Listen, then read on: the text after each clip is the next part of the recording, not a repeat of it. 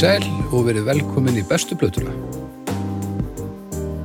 Ég heiti Baldur Ragnarsson, ég er upptökustöru bestu plötunar uh, og hef verið alveg frá því að bestu platan byrjaði fyrir ógeðislega löngu.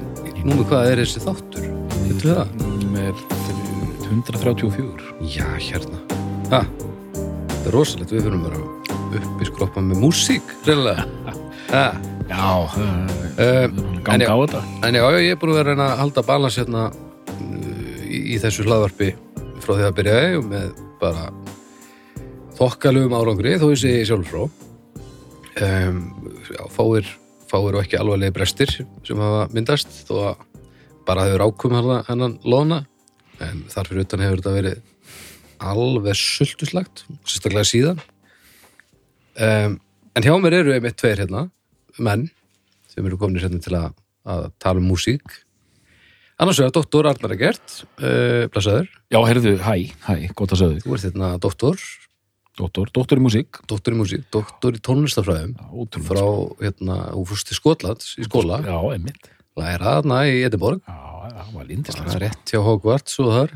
Já, já, mjög svipað sko. Já, já, Svona, svona grínlaust, það er mikið svona Ho- Hogwarts byggingum hann já ég meina Kastalin þarna er fyrirmyndin hjá henni. Já, þetta er, kastallin er stórkostlegur sko. Það er gott í þessu. Það, uh, og þegar ég var hérna og skoðaðan þegar ég var hérna ekki að spila heldur bara mm. á smá ferðalegi Já, það voru reyndar hann var allir út í löðrandi í stillunnsum sem Já. ég rekna nú með að hafi ekki verið upprunalegir. Nei, nei, nei. En uh, helviti þetta er flott, flott hús sko. Ha, að og bara ekkert, ekkert slæmt um það að segja svo sem, þannig sko. Og skemmtileg borg, skemmtileg borg. Skemmtileg borg, Falleg, og, og skotar eru fallegt og gott fólk. Dásalegt fólk. Um, og haukur? Já, blessaður, þú ert tónlistar uh, unnandi. Jú. Garðabænu mm uh, þeim stórbrotna stað. Garðatorg. Og að Garðatorg, er það ekki mér minnir að það hafi verið hérna, var það ekki fyrirmyndin að Mordor hjá tolkiðin eða. Nei, en það er ekki margir sem vita það en Garðatorkið er á hérna, heimsminjaskrá UNESCO Já! Já já, Ég var nýlega bætt þar inn Er það út af klukkunni hann Já, bara sögu staðarinn sko. já. Það, þau eru nokkur torg á þeim lista en, þetta er, þetta er verðskulda Já, Já, myndi ég segja. Uh, en já, þú hefur lust á tónlist alveg frá því að stíð til já, gerir hann, gerir enn. Já, þú ekki fengið leið á henni? Nei, heldur þú munir fá leið á músíka þegar þú rekkur upp það? Það held ég ekki sko. Hvað átt eftir að vera að- Minn tónlistar áhugi kviknaði samt ekki í Garðabæ sko. Ég er nefnilega þarna, ég reyna að hrista að mér hann garðbæska stimpil sko. já, Ég er náttúrulega bara bara, káeringur sko. Já, já. þú, er, já, þú vilt Ég fara þáleðina frekar. Ég kveikt á perunni bara í Vesturbænum sem barn sko. já, Og ég er að reyna að endur taka þessum óttast til að stimpla þetta inn í og, og hvað ástu? Ringbraut 37 þriðju hefði fyrir ofan Björnsbakari já, já. Ég, þetta, ég kveikt á perunni í hérðarhæðanum sko. Mm. djöfusins, Ah. þetta er náttúrulega mekka tónlistar áhuga það er hérna Og veistu, Við erum á, káringar þið hver ára að kaupa gömlu íbúðuna okkar? Uppeldis íbúðuna mína. Pól Markartni Dóttur Gunni. Bara fórsetin Forsetin, já, já, alvöru? Já, já. hvað er hann hætta á það? Nei, það var eitthvað í fréttum. Já, hvað? Akkur, veit það ekki. Ef hann er latur og nennir ekki heim? Nennir ekki, heim, nennir ekki heim að djamin Já, nennir ekki að það er svo dýrt þetta legubíladótt og ég, ég er aðalega rokkin með þetta sko. Já, viltu meina að þú hafið sérst að, að þú sérst aðal kannski ástæðan fyrir því að þetta sé uh, hérna boðlegt uh, þjóðauðgjum mér finnst bara gaman að vita af þjóðhöfðingjum svona uh, á mínum uppeldis slóðum sko. Já, já, það eru kannski eitthvað svona eitthvað, eitthvað smá DNA úr mér ennþá þarna sem það hann er með á sér. Já, já. Það er hann að tróða soknum ofan í glasið mitt? Nei, já, bara svona æ, bara... En já, já, ég húst í svo sem tengjum þetta. Ég er náttúrulega uh, hérna er alveg upp á laugum og stórulögar var húsið sem að við byggum í og, og ég, ég heyrði nú að því um daginn að Angela Merkel var eitthvað að skoða það sem við byggum sko. Ok, þannig að þú ert nú ekki svo eini sem að er sprautriðandi í þessum öfnum með um, En þess vegna er ég líka feitur sko. Það það var, það var svolítið krefjandi að búa fyrir ofan björsbakari. já, já. Hann var alltaf að gauka ykkur ammanni. þess er ég ekki feitur það var hálftíma akstur í næsta bakfæri. Já, já, þetta er það, þetta er þá, þá er ekkert mál að uppræta þetta, þetta hérna, helsuvars vandamál við þurfum bara að loka öllum bakfæri það er bara málu dött En strákar, já, gleðilegt sumar. gleðilt sumar Já. nú er bara, Nú er ég búin að rekna sko, við erum að taka þetta upp fyrir meira viku sko. já, En ef mér rek reknast rétt til, þá Ok. var sumardagurinn fyrst í gæri. Já. já, þú segir nokkuð Getur það ekki passað? örglega, Ég held það. já, já þá er Ef ekki, þá er þetta mjög bara vandræðalegt. bjartari tímar framöndan Já, ha, það er bara skabli fyrir dag en flugdrykk í dag já. það, er, það verður ekki öllu betra þannig að uh, við ætlum að fara að henda okkur hérna í umræður en, en fyrst tölum við um hljóðkirkjuna aðeins. Við hérna uh, þetta eru þessir tveir þættir enn sem, mögulega orðnir þrýr núna aftur sem er í gangi. Ég veit ekki alveg hvernig við draugar snúum vélina aftur í gang en, en það allavega er þá bara að gerast. Svo er að listamenn og svo besta platan. Já. og svo re- rekna ég nú með því að Snæbjörn bróður minn sé orðin þrútin að, hérna, hann er ekki fengið aðtekli núna í, í, á, sagt, á svona Íslandsvísu í, í tværi vikur þannig að ég ætla að rekna með að, æðin á enninu sé orðin alveg þrútin þannig að ég veit ekki hvort að hann er byrjaður með eitthvað annað nú þegar en það styttist í það, við vitum það öll.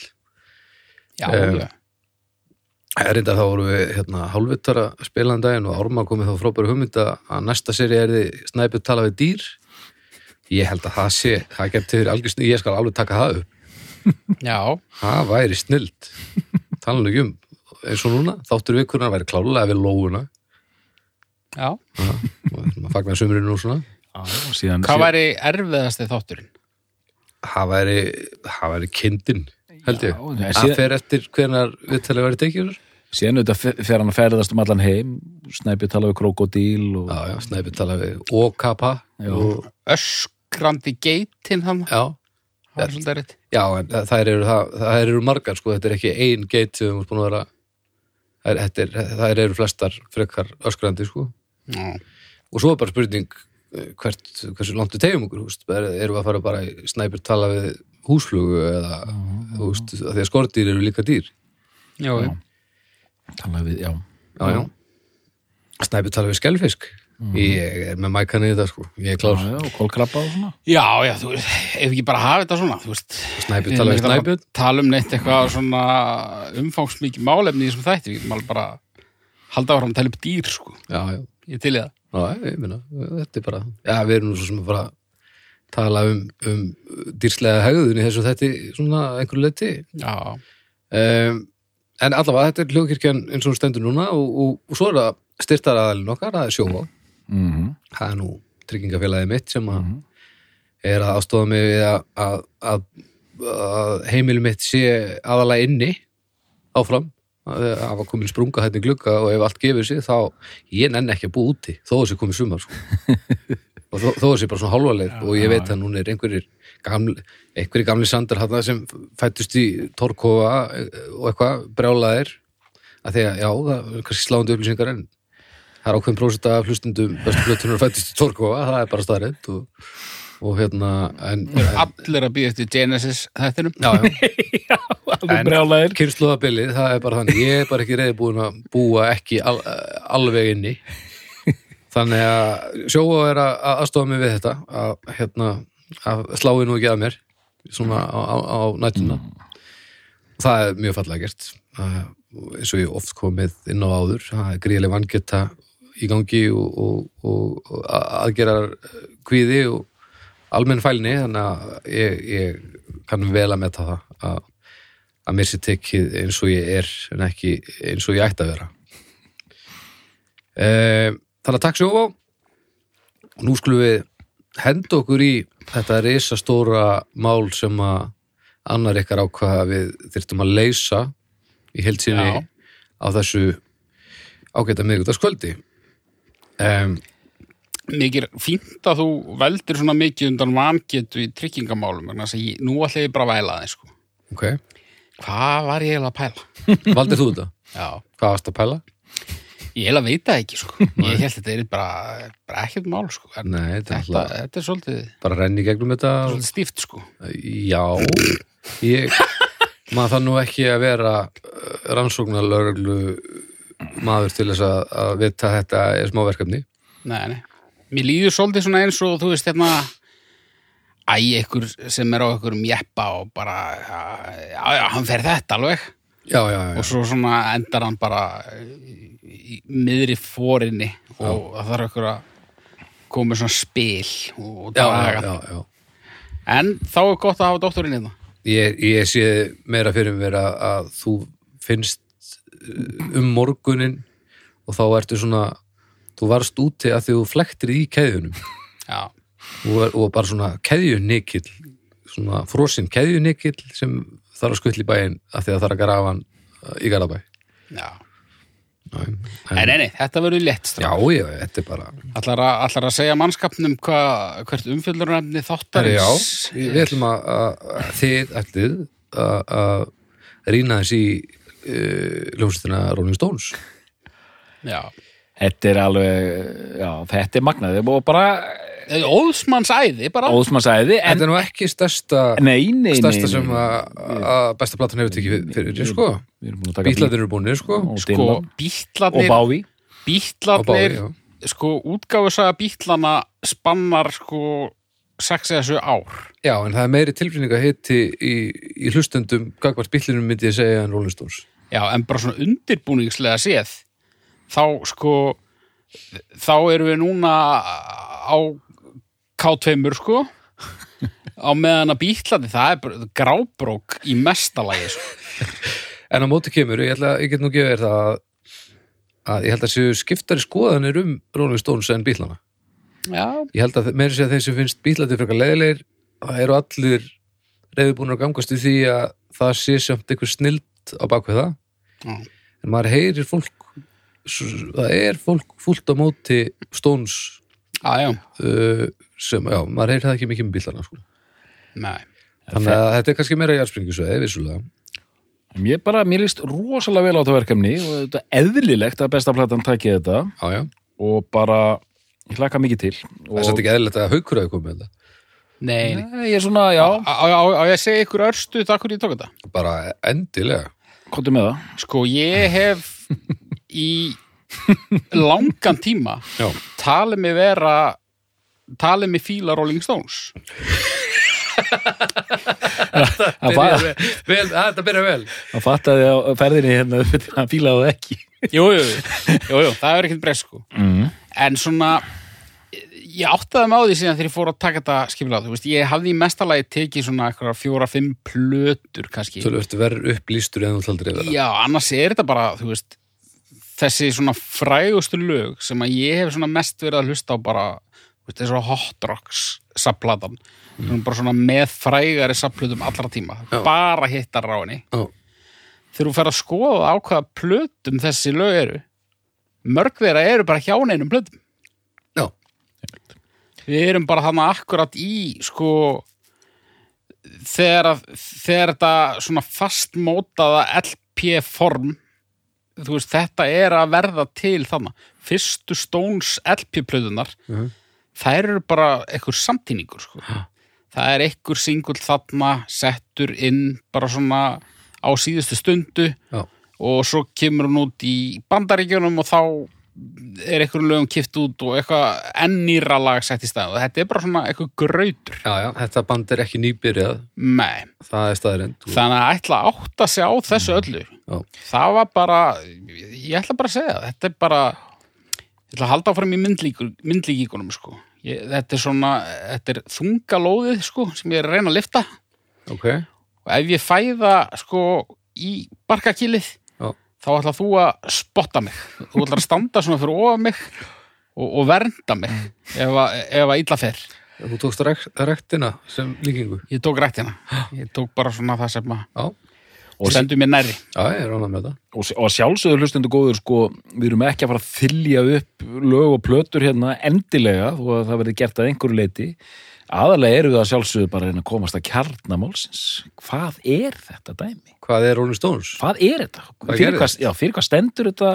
Af hverju er þetta svona rosalega vinsælt og þú veist, Bítlanir versus Stones, það er þetta mjög þreytt ég ætla að debunka það hérna setna í þættinum Já, já, já, og hérna ég nefnilega Stones hefur tekið á slag, það er allavega líka. Já, algjörlega, sko. Ég, svona fyrir hluti Stones, ég er búin að liggja dálítið í því, sko, og komist að ymsu. Já, er, já, ert þú eitthvað búin að vera að kynna þér Stones? Já, hvað aðeins, sko. Er það samt, hefur þeir tekið á slag? Já. Jú, þeir eru fleiri en bítlarnir hafa átt svona Lennon sko.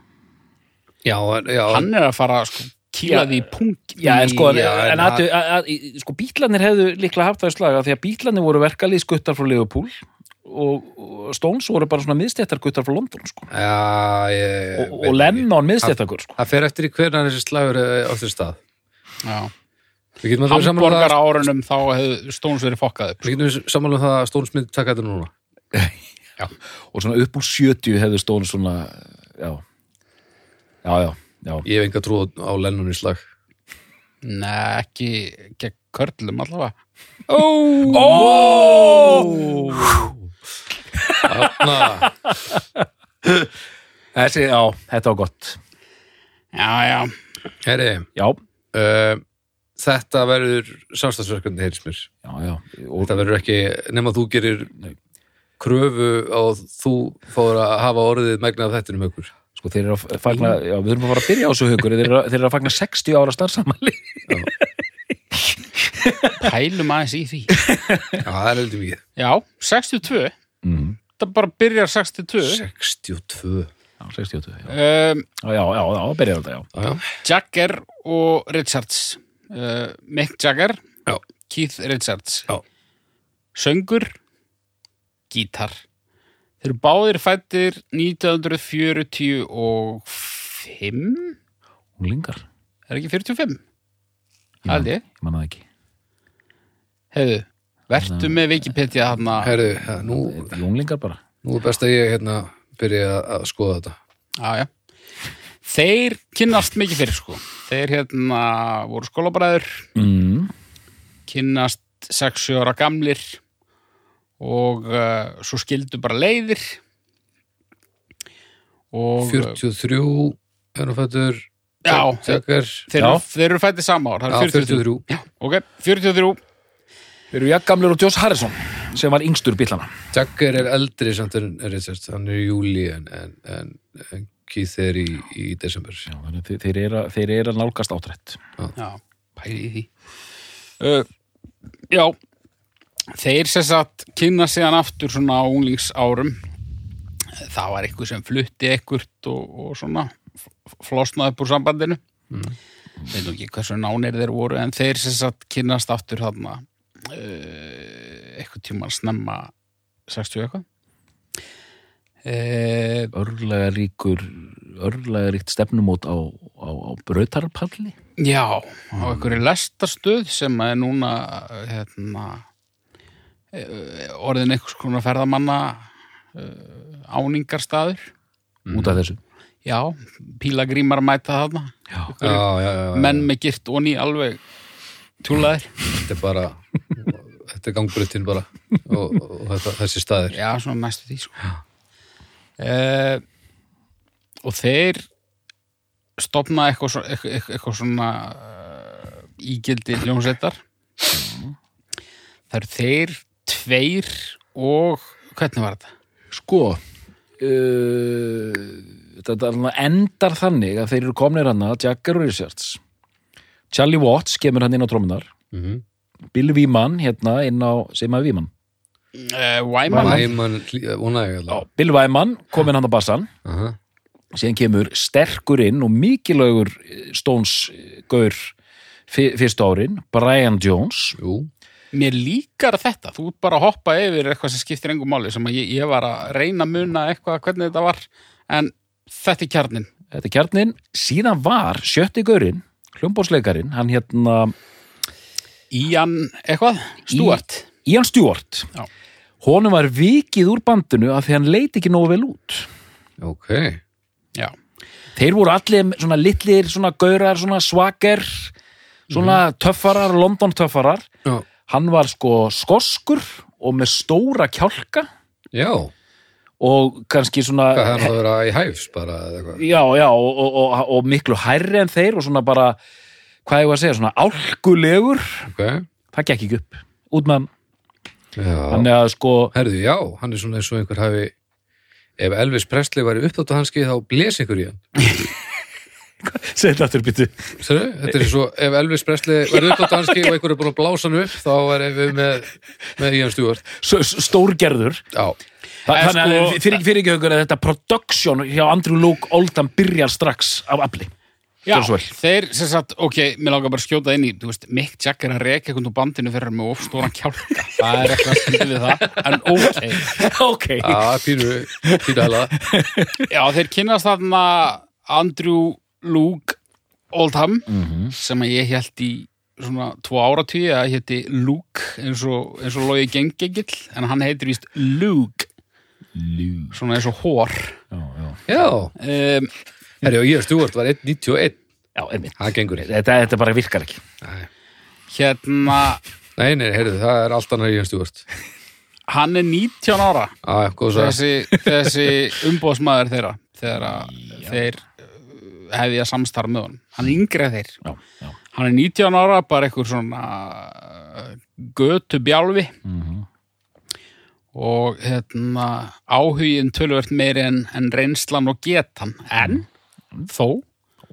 hann getan var til staðar. Hann hérna þarna strax í upphafi kemur hann með ansi svona drastískar ákvarðanir sem að að reka þennan Ian Stewart var ein af þeim. Mm. að eh, hérna Jagger fær í frontin og uh, hann hérna uh, látni maður Jones Mhm. Mhm. hann hérna hann stýi svona aðeins tilbaka og uh, Enga hljómsættabúninga. engal hljómsættabúninga já, var það eitt Mhm.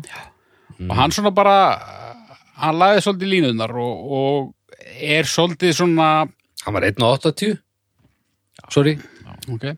Þeir eru allir svona 1.65 sko. hann er líka svolítið svona arkitektinn að þessari ímynd sko sem að var bara beinlínis sett til höfuðsbítlunum sem voru þá bara frægast að hljómsitt í þessari British Invasion bylgju sem að þetta var mjög snemma í þeirri bylgju Mhm. en þeir voru með þetta svona þe- þe- þeir voru góðu strákarnir og Rolling Stones þeir áttu að vera pörupiltarnir Ok. og það er sérst frá þessum uh, þessum manni komið. Mm og svo ímynd hefur svona svolítið haldið. Já, já. svo er þetta bara svolítið hefðbundið. Þeir bara spila svolítið mikið á Englandi. -hmm. og uh, eru síðan sænaðir á dekka sem að höfðu þarna einhverju fyrr vísað bítlunum á dyr. Einmitt. Og eflaust- eflaust nagað sig uh, Er það þessi maður sem að er eitthvað þekktastur fyrir að hafa sagt við á að þetta er því nú aldrei neitt? Og Já. að hann fara aðalega viðtöl um það. Já, Já, og hérna, og það, en þegar, þegar maður heyrir þessa pröfu upptöku bílana sem er til, Ok, uh, maður skýlur alveg að, þeir voru alveg te temmilega og þéttir, sko. já, já, já, já, þannig að þetta var ekkit, ok, Það var alveg rétt inn að gera sala bákvörðun, sko. ok Já, já, Já. en þeir, þú veist, þeir eru bara sænaðir hjá dekka og Já. þeir eru ekkit komnir með einhverja hittar að þarna, sko þeir bara fara í stúdíu og taka upp bara einhver einhverja gamla lummur, bara eitthvað bótillei og, og, og eitthvað þannig dót, sko Þeir eru mjög uppteknir af amerískum blues ok og, og, og, og, og, og sálartónlist. Mhm. Í All, þeir eru á allt öðrum staðir en bítlandir, sko, bítlandir byr, byrja mjög fljótlega að semja og, og, og eru svona að taka svona girl group hérna lög og svona. Mhm. þeir eru grófari og grimmari Stones, en einmitt eins og fyrsti singullin, það er Chuck Berry lag, Come On. Það, það er alveg hrikalegt sko. En síðan takaði bí, bítlandi sömdu fyrir þá single nummer 2 I Wanna Be Your Man. Aha, Já, þeir voru svo eh, Lennon og McCartney voru með svo mikið sinni upp í raskatinu sko að það voru ekki þeir semdu fyrir bítlana, þeir sömdu líka fyrir aðra áfullu sko já. þannig að Stones fá þarna hérna, I Wanna Be Your Man og upptakan á því lagi er rosaleg sko, það er bara svo hérna Creator sé að spila eða eitthvað sko. það er bara allt í í rauða botni, ég elska þetta orð og bara allt í ruggli á ógeðslega flottan hátt sko. Já, já. bara, bara eh, punk og ruggl sko. Og hvenar er, hvað, hvað eru þarna, hvað ár eru við þarna? 62 cirka. 62, já. og sko þetta er, þetta er bara náttúrulega mítan að, að þessar hljónsittir kannski hefði ekkert verið óvinnir en svona grimmir keppinautar og það hefur elvustu verið eitthvað svona samkeppni í þeim en, en það var líka, þú veist, þeir voru vinir og hérna eitthvað tímann heyrði ég að, að sko bítlandir og Stones pössuðu það alltaf að gefa ekki Já. út smáskifur ofan í hvoraðra sko. satt Já, það var bara að tekið upp tólið og bara, já, nei, við erum að fara að gefa út þarna ok, við hingurum Já. en uh, fljótlega fara þær bara í fyrstu plötuna og, og, og þar með byrjar þessi hringa vitleysa með, þú veist mismunandi laga uppröðun og bara mismunandi lög á, þú veist, eftir landsvæðum og svona. Já, og þetta er hérna þetta er algjör grautur en, en það er kannski bara rétt að taka svona svolítið singla approachið á þetta tímabil finnst mér sko. Ég held við getum til dæmis bara því að eh, sko, ég, ég ætla að fá að segja fyrstu þrjár plötunar eru Rolling Stones Rolling Stones nummer 2 og síðan hérna Out of Our Heads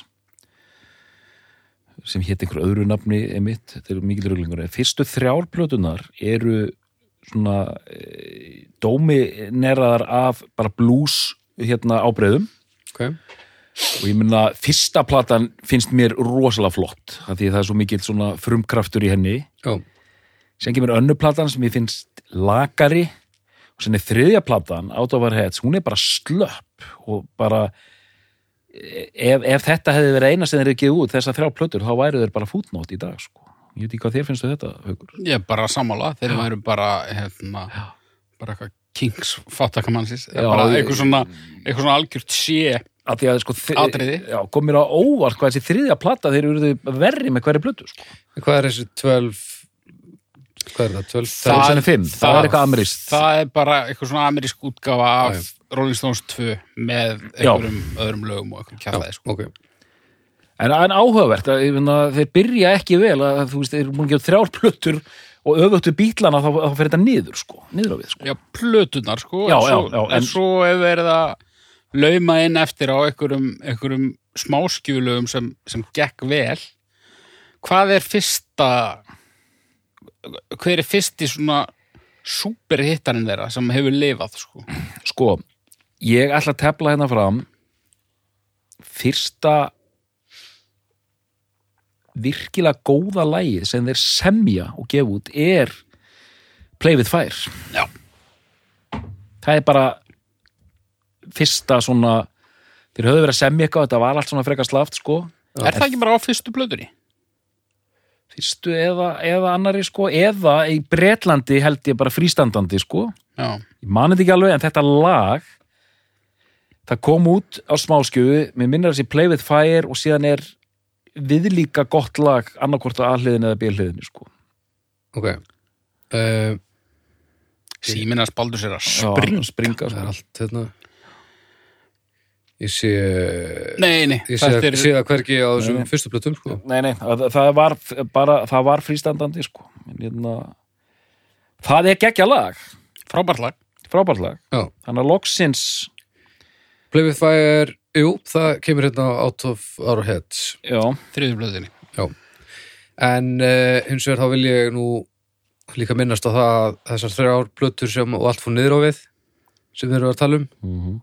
þetta er, þetta gerist á ári um það bil, Já, kannski já. rétt rúmlega ári. Já, já, þetta er ég. þannig að þetta, þetta já, þetta er það er ekkert verið að sitja á efninu og lengi á þessum tíma hana Nei, einmitt, þetta er, þetta er mikil, mikil, mikil hraði á þessu öllu. Nei, nei, menn, þetta er svo fyrsta platan Þú veist, hvað er eitt frumsami lag á henni eða eitthvað? Já, einmitt, lagi. e, e, hérna, eitt, eitt, eitt, eitt, eitt eða tvö, sko, þú veist, þetta er hérna, e- ef, ef eitthvað, sko, og, og stundum var þetta undir einhverju svona hálgeru leininafni, sko. Já, Jú, tell me you're coming back uh, Jagger og, og Keith eða það Hérna, þetta er svona, já, já, þetta er svona skriðigang hann, sko.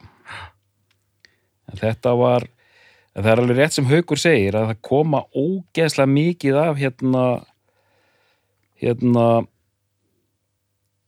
eh, þú veist, hérna, lögum sem bara svona, uh, hvað segir maður, hérna, bara frístandandi geggjum lögum bara, Já. bara fyndu bara singles diskografi eða, eða einhverja samplutu sem tekur þetta í mm, tímaröðu sko, það er alveg hægt að tala aðeins um þessi lög. Þetta fyrir mér er sko skemmtilegasta sem Stones gerðu sko. Og það var kannski hluti af vandamálinu þegar ég fór að taka þetta svona uh, grundikt bara plötunar það var það hvað lögunum var dreft eða jafnvel voru ekki á plötunum skilur Ég kom með svarið, afsakið. Þetta var sagt, smáskifa á alliðinni er, þetta eru bæði lögin eru geggjuð. Það er The Last Time. Já, This will be the last gott lag. time. This will be the last time. Da, na, na, na, na. Þetta og sem Play with Fire, svona ballaða á björliðinni Fyrsta skipti sem eh, Stones koma loksins með almennlega lög og sína að þeir geta þetta. Ok, já, og síðan einmitt er þetta fer hann inn á þriðu plötuna sko en síðan eru loksins fréttir plötulega haugur á plötunum fjögur já er það aftermath? Já. Já. Þá loksins, það er bara eins og menn hafi sest niður og sagt, ok, strákar, eigum að gera þetta eða eigum að sleppa þessu, sko. Og það er bara allt sett á fullt og platan er alveg gríðarlega sterk, sko. ok Hún er það. Sko, Já, þú ert með það. Eitthvað, ég er með eitthvað hérna, ekki allt, sko. Nei, ég er ekki með hana, sko. sko, hvenær kemur Amerikútgáfana út af Out of Our Heads að því að samkvæmt þessu hérna, þá er á henni uh, þar eru við með sko I can get no Já, satisfaction einmitt, einmitt, sem var frístandandi. Já, Og það kemur hann að líka, það, það er engin leið að muna hvenar þessi frístandandi singlar komu þarna eða hinum megin, sko, en og Play with Fire, e- eiga þeir það? Já. Það er eftir þá, sko. Já, já. En það er einhver maður þannig úti, ég er ekki vissum að sé að hlusta, en það er einhver, einhver bæjarstjórið þannig úti sem að er með allt saman. Já, já, já, já. Það er, og það er gott fyrir hann. Já. En ertu með aftermath þarna fyrir fram að þig? Hvað sér þau? Aftermath, plötuna? Herri, já, ég get nú flett þessu upp hérna fyrir ykkur, er það ekki? Jú, Herri, ég, er bara komin að bólakaf hérna, ég, ég bara aðeins að upplega sem haukur er búin að vera að díla við hérna. Já, hvað sér þau? Uh, hvað ertu við það? Bara einhver lög þarna, sko, svo ég svona fáið smá upprýðun. Já, við erum hérna með, uh, hérna erum við UK Edition, Já, UK Edition. um, Mother's Little Helper, Já, það er fyrsta leið. Já. Stupid Girl, Mm Lady Jane, Já, Under My Thumb, Don't You Bother Me, Going Home, Flight uh, f- 505, Flight 505. En- High and Dry, Out of Time, It's Not Easy, I Am Waiting, Take It Já. or Leave It og Think What to Do. þannig eru komið bara, sko, þeir byrja plötuna Mother's Little Helper sem er ógeðslega flott lag Mm með þessu sjóara enda þarna. Wey! Og, Og- þessum ramfalska, ég veit ekki hvort þetta er gítar. Hvað er þetta? Já, já. Þetta er mikið til Brian Jones sko, og hans áhrif sko. og hérna Under My Thumb sem er svona Já, já. drifið áfram af hérna einhverju svona hérna sé- sé verið að spila sílafón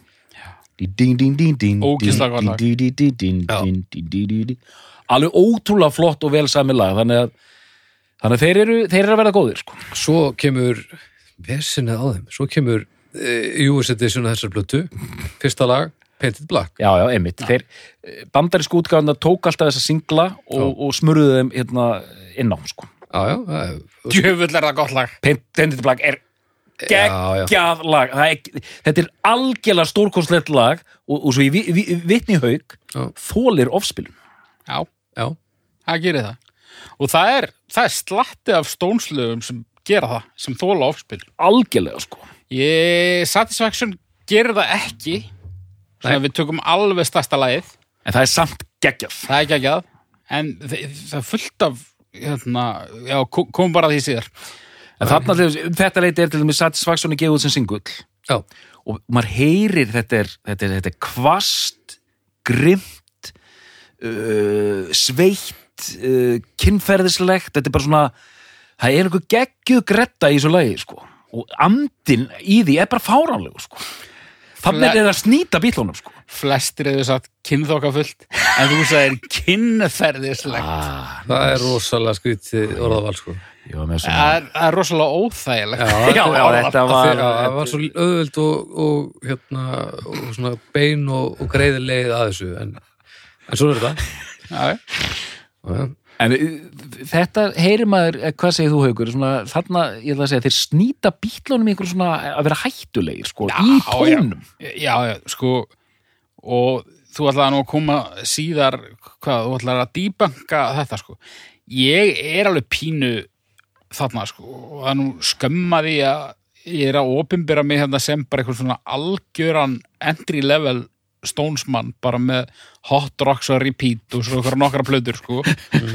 En fyrir mér er bara veist þessir þessi frægu lög sem hafa lifað frá þessum tíma sem spannar 1962 til bara segjum 70 Mm það finnst mér skemmtilegast. 71 segjum það. já, já, já, já, mér finnst þetta lang skemmtilegast. Já, já. Ég þarf ekki þessar plötur Nei, nei, þannig lagað sko. Og ég ætla bara að segja mér finnst þetta skemmtilega en bílanir ég elska örli bílana þú veist, hérna og við erum að tala um bara munin á hvernig bílarnir stimpla sig inn á fyrstu plötunni. Mm bara, hvað er ekki, svo er standing there Jú. er, er það ekki fyrsta lagið? ég geti verið, jú, jú, held það. rosalegasta ræs á nokkrum ferli nokkuð tíman, fílíkt lag. Já, já. og bara bílarnir þangað til að þeir fór reykja hass er geggjað band. Eftir það Ah, ég tengi ekki jafn mikið við það sko. ég ætla ekki að drulli við þetta sko. en ég er ekki í söfniðinum sko. nei, nei, En, það, en það, það sem ég ætla að ég... en Stones, sorry. Já. mér finnst þetta skemmtilegra. Já Það sem, það sem ég komst að því ég var svona á bólakafi í þessum Stones hérna, sjönda áratug Stones var bara að allt í hennu heyrði ég að báðar þessar hljónsettir Bítlanir og Stones að, að mínu mati eru algjörlega stórkostlegar en þetta að vera að bera þær saman eitthvað svona versus finnst mér mestan part eitthvað svona búið til að blaðamönnum. Já, af því að þú veist, þetta er bara, og mér finnst það auðvitað, ef maður hlustar mikið á hluti þá auðvitað, sér maður og heyrir betur mun, sko. Þannig bara, Já, mér, já, mér, já, mér finnst Stones bara við, voru algjörlega á sínu ferðalagi og voru að ég er einmitt eiginlega sko, ég er hinliðin á hauki, sko. Ég var aldrei mikið fyrir Stones, sko. Nei. ég var bara svona, æ, mér fannst þetta svona hálf hallarinslegt, sko. En sko, bara svo ég klárum þetta með samanbörðin á þeim ég, ég upplifði þetta aldrei sem tónlistarlegan samanbörð heldur stærð og, og bara uh, samfélagslegt impact. Já, já, já, já, einmitt, einmitt. Bara hvort er mikilvægara. Það, Já. ég hef alltaf upplegað umræðan um það. Þann, þannig, sko. þetta er svolítið uh, náttúrulega á smæri skala. En þetta er þetta er svolítið svona þegar fólk var að bera saman Metallica og Guns N' Roses. Já, já, já, tvær hljómsveitir sem eiga ekkit rosalega mikið sameigilegt en áttu þó það sameigilegt að vera risastóra þungarokksljómsveitir á sama tíma? Já, einmitt, einmitt þú veist, einhverju snertifleitir en í megin atriðum sikkur hlutur já, Nei, já, og þannig erum við með eitthvað uppskalaða versjón af því Bítlanir vs. Stones. Og ég, þegar ég bara byrjaði að hlusta meira á Stones þá allt innu fór ég að fara að fá miklu meiri áhuga á þessu og, og allt innu fattaði ég tekin í bólinu sko Mm. Að þetta er bara algjörlega geggjur hljómsveit sko. En hérna en það er ímislegt sem ég ætla einmitt að koma að sem er svona, ég ætla líka að dýbanka bara sem þessi bæjarstjórar eru með, þeir eru með mjög einfalda sín á, á, á Stones sko. Og hérna, koma að því, koma að því setna sko. Örlar og fordómum. Bæjarstjóra fórtumar en hvar eru við stættir, já. Við erum í aftermath. Sko. Já, Höldum bara áfram. Já, næsta plata, þá uh, dempum við okkur áfram og þá erum við að detta henni í Between the Buttons. Þetta, já. 67 þannig að sko, þeir eru þetta aðeins á eftir bítlunum sko. Já, en mér finnst þessi plata stórkosleg en, en yfir til þín hugur Nei, halda áfram, núna hérna, sko, ég þarf eiginlega að fá núna þarf ég eiginlega að fá lagalistan sko. þetta er bara svona smá Yesterday's Já. Papers. Eða svona, svona tindana. Já, Yesterday's Papers. Þú veist, ef við tökum bara til dæmis eh, hvað er það er náttúrulega bara ekki tekið fram hérna með singla af því að bara, Nei, sko, en- er bara allt verið í ykkur steg eh, Backstreet Girl Connection. Connection. Um, Something Happened to Me Yesterday something happened to me yesterday uh. My Obsession er annar lag uh, She Smiled Sweetly Cool, Calm and Collected All Sold Out. Please Go Home Who's Been Sleeping Here? Complicated Miss Amanda Jones. Þetta er hérna Ég hef verið í blackoutið í hlusta á spildu Nei. Ég, ég, ég, ég þekki eitt lag af það ég, ég ætla líka að útskýra að þessi plata, þetta er UK útgáfan sem Baldur er að lesa upp hún var singla laus Nei, þetta er enda, jú, gott ef ekki. Þannig séð. Já, svo erum við, nei þetta var jú, þetta var UK útgáðan svo erum við, já, bandarísku hérna þar erum við Ruby Tuesday. Einmitt, Já, já. og Let's Spend the Night Together. Og Let's Spend the Night Together Alveg rétt, já. Þetta er fyrsta platan sem ég hlusta á í Ég hef hlusta á US útgáfana og þetta er þetta bara fáránlegt af því að, ég ætla bara að útskýra þetta aðeins að Between the Buttons er svona enskasta plata Stones, af því að Stones voru sko gjörsamlega hérna obsessed af Ameríku, amerískum blues. Mm. allt einu geraði plötu Between the Buttons sem er svona kingsleg. Já. Þetta er svona the Garden hérna ensk plata. Já, já, og lögin eru í þannig ham sko. þú veist, hérna Yesterday's Ok. Papers og, og, og þetta lag sem ég var að syngja náðan þetta er svona, já, svona Kings er svona lýsingin kannski. Og platan, enska útgáfan er flöt, hvað það var þar það er engin svona risasingull en væpið er geggjað. Og munurinn dálítið á Stones og bítlunum er bítlanir eru svona lagaband það er lag og lag og lag og lag Mm.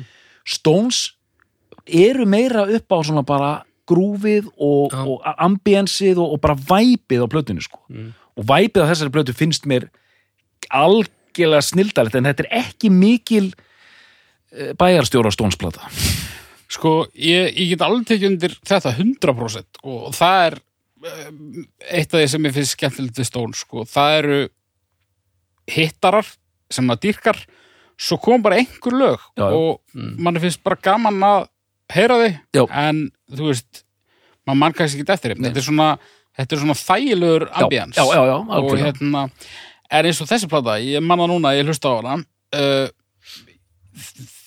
það, hún er ekki mér, mér finnst hún ekki mjög svona heldstæð upp á stemmara mm, já, ég kannski ég skil hvað átt við með Já, já. þetta, þetta breska Kings dæmi sko já, já. uh, en jú, þetta eru mismunandi lög sko finnst platan á eftir jafnvel enskari samt sko já, hérna, er ekki set, er það ekki bara Satanik? Satanic, já, já, já. En við þið hver fekk að spila þessar blödu?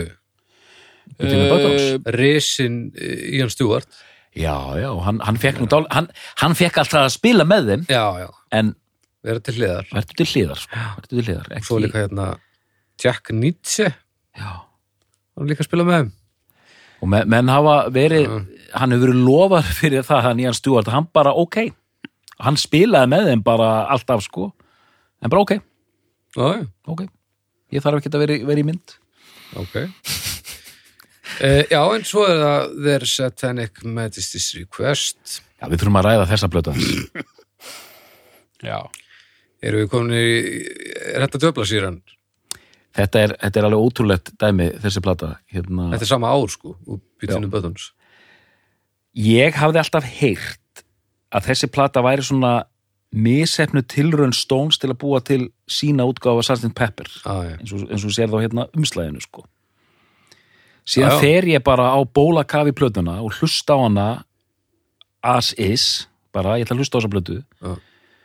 ég bara ég átti ekki til orð hvað þetta var mikið mistaraverk þessa plata sko ég bara, ég elska þessa plötu fram og tilbaka sko Ok Haukur? Sko þarna þarna byrja ég að ná þræðinum allavega svona, þú veist þetta er bara plata þú veist, þetta er ekki eitthvað samtíningur, sko. mm Er það ekki rétt hjá mér?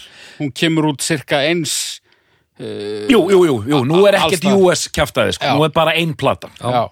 Þannig að núna fer ég mögulega að geta talað ekki með raskatinu. Ja, ja. Uh, ég hafði aldrei hlustað á þessu blödu aldrei nokkuð tíman Mm. það voru svona einhver moment á henni sem voru kunnuleg Já. fyrsta lagið, stórkostlegt Sing this all together fáránlega flott lag ógæðslega gott lag okay. og ég bara ég bara trúði ekki mínum einu eirum sko uh, lag nummer tvö ég, ég man að mér fannst það gott, ég man ekkert hvernig það var lag nummer þrjú. In another land. In Another Land.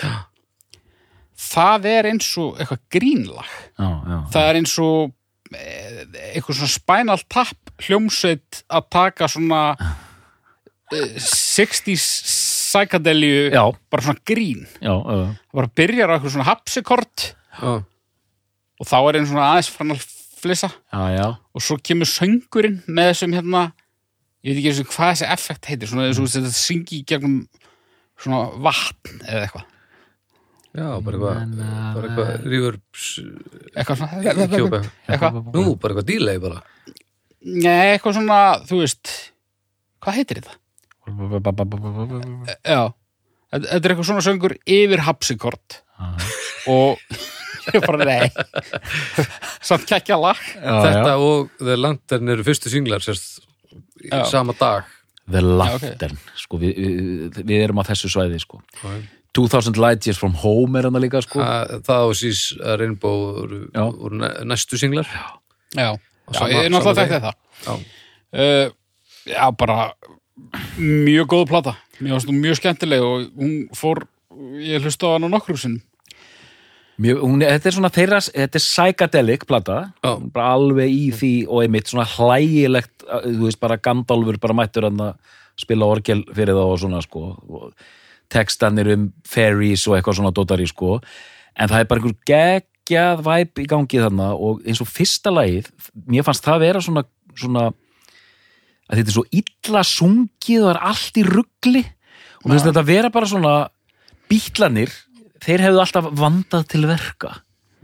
Á meðan sko Þetta er, Stones bara let it all hang sko. Já, þetta er bara einhver, varðelda söngur já, það sem að allir eru búin að drekka eitthvað, eitthvað frostlög sko. og engin í takti og allt bara í ruggli sko. Og það er bara svona þeirra Rosalega mismunandi dóma.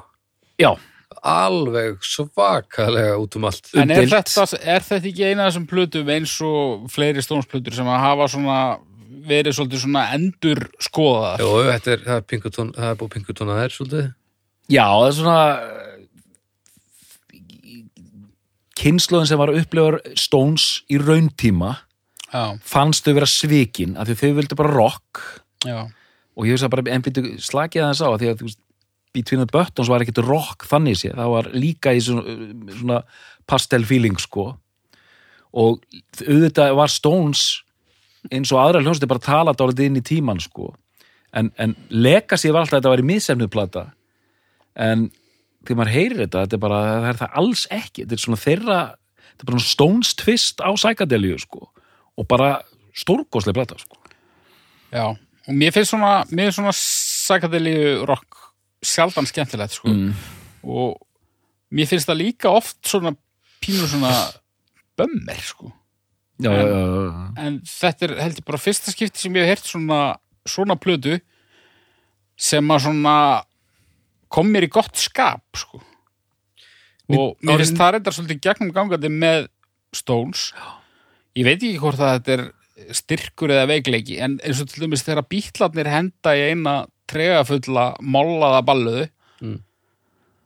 ég á bara stundum með að hlusta ég fyrir bara að gráta en sko Stones bara í sínum dramatískustu lögum mér líður alltaf vel mm, mm. Stones láta mér aldrei líða illa Og þú, að því að þú vilt forðast þá tilfinningu þá eru stóns skemmtil, eða skemmtilegri en bílarni eða betri eða. nei, þetta er bara aðskilið Þetta er aðskilið bara. Já. en, En sko, svona, þessi plata, Eh, allavega ef að Stones eru að reyna að láta hlustandan upplifa fjölbreytt róf tilfinninga þá er þá eru þeir missennaði Já, já. En sko, platan var mjög mjög að dóma fyrst, svo í setjum tíð hafa fengið miklu betri dóma, en árið 95 þá sagði Mick Jagger að hún væri nú ekkert spes. Það var tvö góð lög á henni, hitt var bara bull. Já. Og það eru bara tvö lög sem eru að, eru að spila live, sko.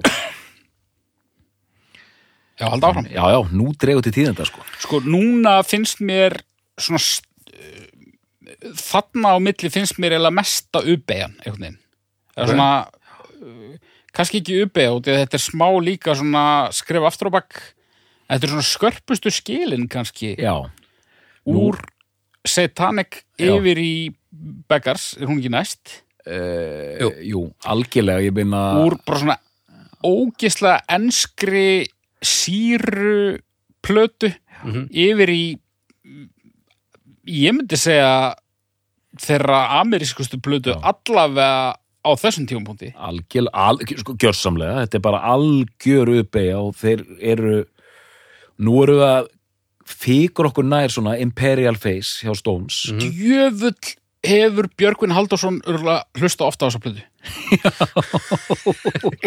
Er það að djóka? Þetta er hérna já, þarna er bara það eru tvö fáranlega lög á þessari plötu sem opna A og opna B hlið. Mm. þess á milli eru þeir bara að hérna leika sér með svona delta blues mætti segja sko. Komdu með lagalistan. Já, kíkjum að svo lagalistan. Sympathy for the Devil. Halló. Sko, ok. Ok. Mér hefur lengi leiðst það svolítið, sko já, já, mér, mér fannst það alltaf gott En svo svona, æ, kom on já, já. ú, ú, Bara, æ og Eitthvað? mikið svona í dýpir ykkalandi New Bohemians feelingur sko. Já, bara svona Þú veist, endur tekningasamt og bara leiðilegt En núna, í þessari yfirferð Ég er bara svona svolítið endur uppgötað það, sko Mér finnst það ógeðslega flott Það er mjög flott lag, sko. textin er klikkaður og bara, Þetta gítarsólo og bara ég er alltaf að tala um bara fílingurinn í þessu lagi er rosalega þetta er evil shit sko. Þetta er svona, þetta er svona satanískur bolero. já, já djöfla messa sko Uh, no Expectations. það lag er eitt af minnum uppáhaldstónslögum þetta hljómar eins og þetta hafi verið gefið út á Mutations með Beck hérna 98 sko Já. Það er algjörlega þannig eh, bara, eh, Mutations hljóma bara eins og þetta lag sko. Já, þetta er svona þægileg svona, svona ver, verandar sólstekt ballaða sko geggjaf Dear Doctor. mér finnst ó, mér finnst það svo leiðilegt sko hann, hann, Mick Jagger er að reyna að vera einhver gömul frænka mér finnst það ekki leiðilegt, sko. En það á ekki róð í lögin tvö undar allavega. Mér, mér, sko, ég fílaði þessa plötu. já, Hérna, og sko, og ég las, þú sendi mér hérna Mhm. smá hjálpargögn þegar ég sendi þér ykkur dauðans ofbúði, bara hvað er ég búin að koma okkur út í? Og senda mér hérna doktornum Facebook-pislana sína sem að, sem að ég hafði eitthvað rekið augun í á sínum tíma Já. en það sem að var að taka þessar uh, þetta tímabil, blötu fyrir blötu Já. Þú varst ekkit rosalega hrifin að þessar blötu Nei, ég, ég einhvern megin ég, að vonandi þessi ekki þversögn, ég einhvern megin platan er góð og það er þægilegt að hlusta á hana og hún er heilsteift en fyrir utan hérna tvö stóru lögin á plötunni þá finnst mér þessi Delta Blues pælingar vera bara svona mjög flekkóttar sko Já. þannig að ég, ég, mér finnst hún vera pínu svona það er verið að reyna sig áfram með þetta og, og, og það er, það er enn, ennþá eins og þeir séu í dótabúð sko. Já. það var svona tilfinningin sko. Ég, ég fíla hana mjög vel sko en, en, en ég við ekki um það að ég ætti erfitt með að, að veist, singla út einhver ákveðin lög fyrir utan einhver þrjú fjögur kannski Já. en þú veist, hún er einmitt bara svona, svona, bara svona solid og, stemmari sko. og maður skilur alveg þeir, þeir voru alltaf hlusta á þessar Robert Johnson plötur og svona, þú veist, það er eitt lagana sem hljómar eins og að sé frá sko 1920 sko. Já. og þú veist, alltaf reyna sig við þetta en sen hitt stóra lagið er aftur, Street Fighting Man. Það er auðvitað alveg sturlað lag líka sko. sturlað sko. og sko á þessari plötu þannig er allt bíl farið sko. Já, já, einmitt. Þannig er þetta bara orðnar, einhver tveir heimar sko og, og það, það er með einhver svona London stráka sem er að gera ameríska músík sko. Já. án þess samt vil ég segja að þetta sé eins og þetta sé eitthvað homage. Ég myndi samt ekki segja það sko.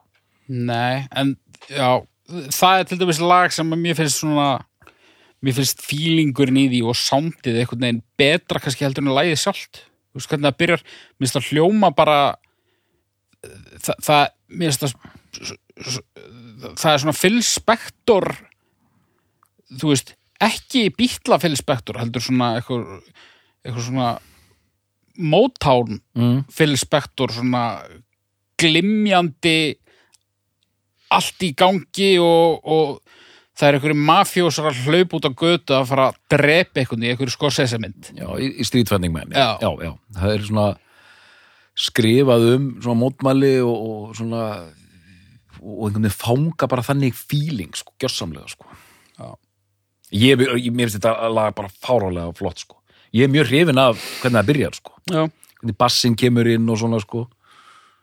Bara æði sko. En þessi plata er í miklu metum Það voru allir mjög ánæðir já, það, og ég gerum ekki grein fyrir því hvort það sé bara því hún er svo stórkostlega að það voru bara allir svo ánæðir eða varu aðeins bara slaka á sírunni síðast. Ég er í hotni með þetta því að eh, heilt yfir lýsaði allir að þetta sé meistarverk Þetta er bara, þau eru að renna henni við dómana þetta eru fimm stjörnur A, Já. fjórar, A fjórum, fimm, A, tíu, tíu. Þetta er bara svona. Við að taka, við að skjóta inn í svona hvað er að gerast í hljómsettin eða við að taka það alveg bara sér? Það var alveg fint að hafa það svona til hliðsjónar sko. Já, komdu með það, ég, ég er búin að gleyma því. Já, jú, Já, þú veist, þannig er náttúrulega bara eh, það er ruglið er að verða meira og meira og, og hérna og Brian Jones er, er orðin hans í tæpur já hann er eiginlega nánast hættur á, á, á þessari blötu sko. Já, hann er bara eitthvað á kantinum að bara, ég veit ekki sem hvað hann er að gera sko. og mikil synd að því hann var eiginlega svona aðal arkitektin Já, og er komin alveg út í hot sko.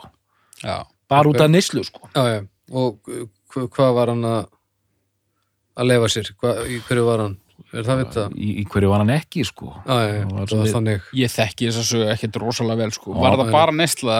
Var þetta eitthvað svona andlegir bara, erfiðleikar líka? fyrst og síðast bara mjög mikil neysla og hann var orðin mjög tekin hann kom með svona fjórfalda bauga andur augun sko mm. og bara viðkvæmt blóm bara sem höndlaði þetta ekki og, og, og druknar síðan sko Já. búið að skrifa marga bækur um eitthvað samsæri og svona en, en, en er þetta síðasta platan áður en hann deyr? mér minnir að já og mér minnir að hann sé bara með eitthvað pínu input á þessari plötu sko Já, mér minnir það sko ok. Uh, þið bæjastjórar það úti, þið bara hérna, Sendu okkur línu ef, ef að ykkur blöskar. þið getið faxað okkur hérna kvartanir sko Mm Mm, næsta plata er hérna Let Let it, let it bleed. uh, Jú, Let it bleed 69. 69 já, 69. Let it bleed hún er líka í gríðalögum ettum hjá fólki Já. mm. og hún, hún svona hún Já. opnar með þetta eru svona slátrun og dóma líka sko.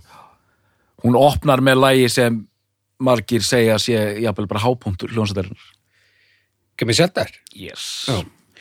Og núna erum við komnir sko, má ekki segja þessi plata og tvær næstu plöður.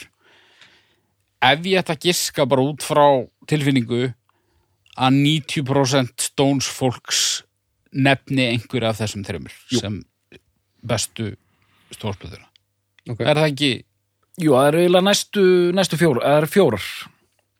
Er Beggars, Let It Bleed, uh, Sticky Fingers og og, og hérna, Exile. Exile. Já, þú, og Beggars er, er þarna Já, já, já. já. jafnfætis já, heldur já, já. ok,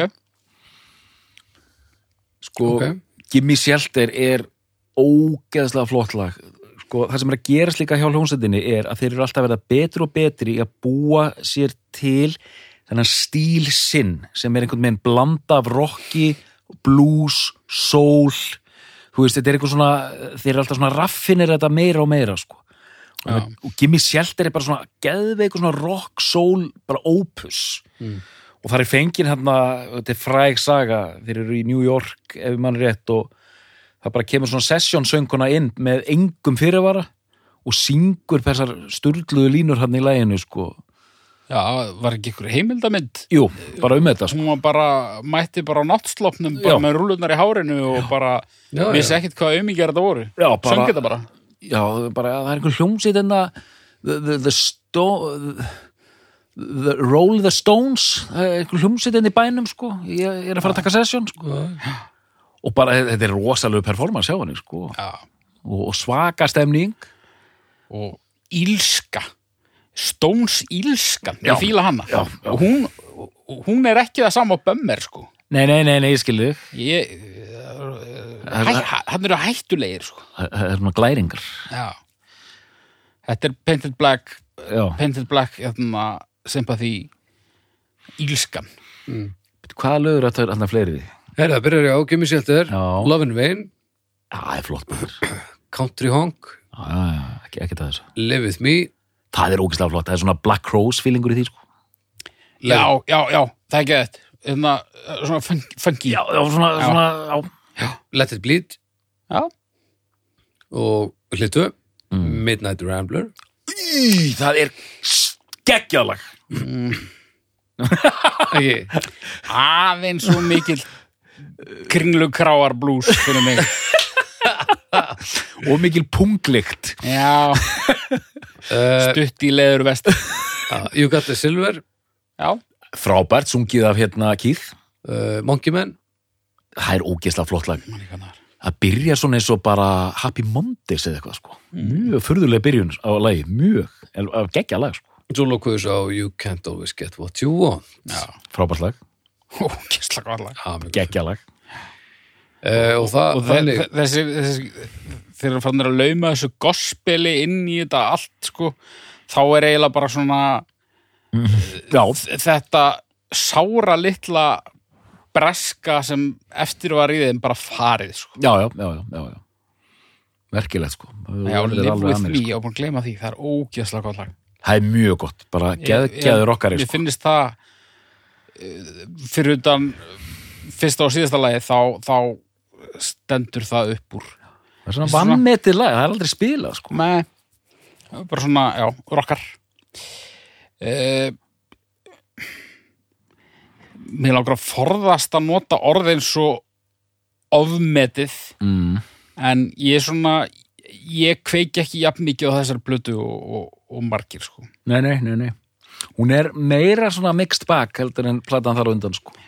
þú veist eh, eh, góður vinur minn sem elskar þessa plötu upp á sljóðumstina þessi Doors. Og ég, ég, ég, ég skil já, það já,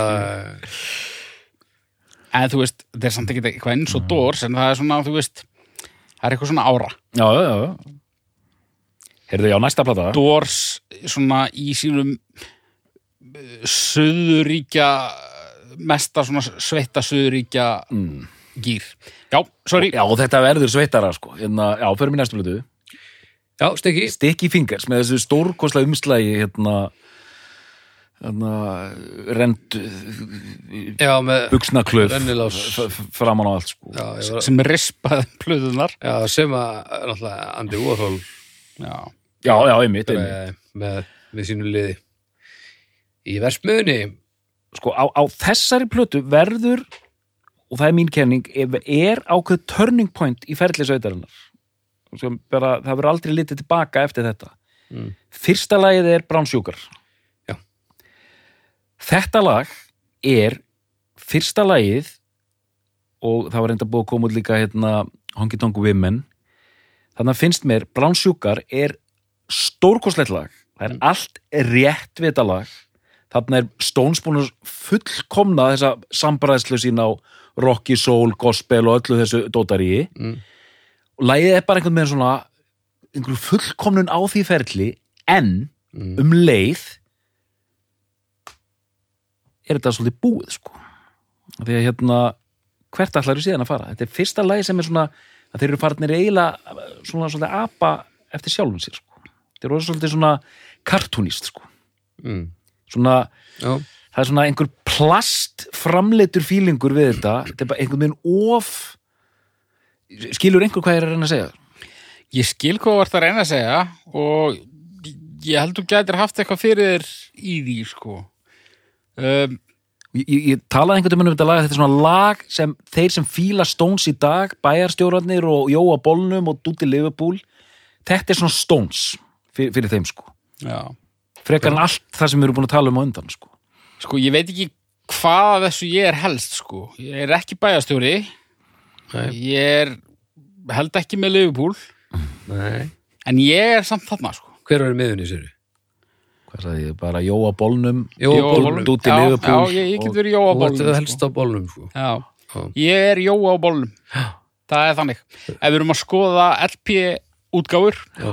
þá er þetta besta platar hvað mig varðar. Og ég veit að doktorinn er ósamála. mm, já, Ég, já, ég, ég er búin að lesa pislanars, já, já, já. en Það hérna, ég reikna nú ekki með miklum átökum samt, en, en hérna, Ok. Nei. mér langaði ekki að þetta væri mín plata, sko. Ég, bara, ég er bara það, hérna, Hvað langaði þér að Hvað e veitir? eitthvað, eitthvað meira cool, sko. Þetta er, er náttúrulega bara Black Album Stone, sko. Já, já, já já, ég skil en hérna en eftir stendur að- mér finnst sko þarna finnst mér eiginlega eiginlega allt gangu upp sko. Mm. og bara svo mikið af svo rosalega góðum lögum. Mm Ok. En ég og samt, ég var að lýsa henni sem patsi var það ekki? Nei, þú varst að lýsinni að þetta væri svolítið svona endurtekning bara. Sko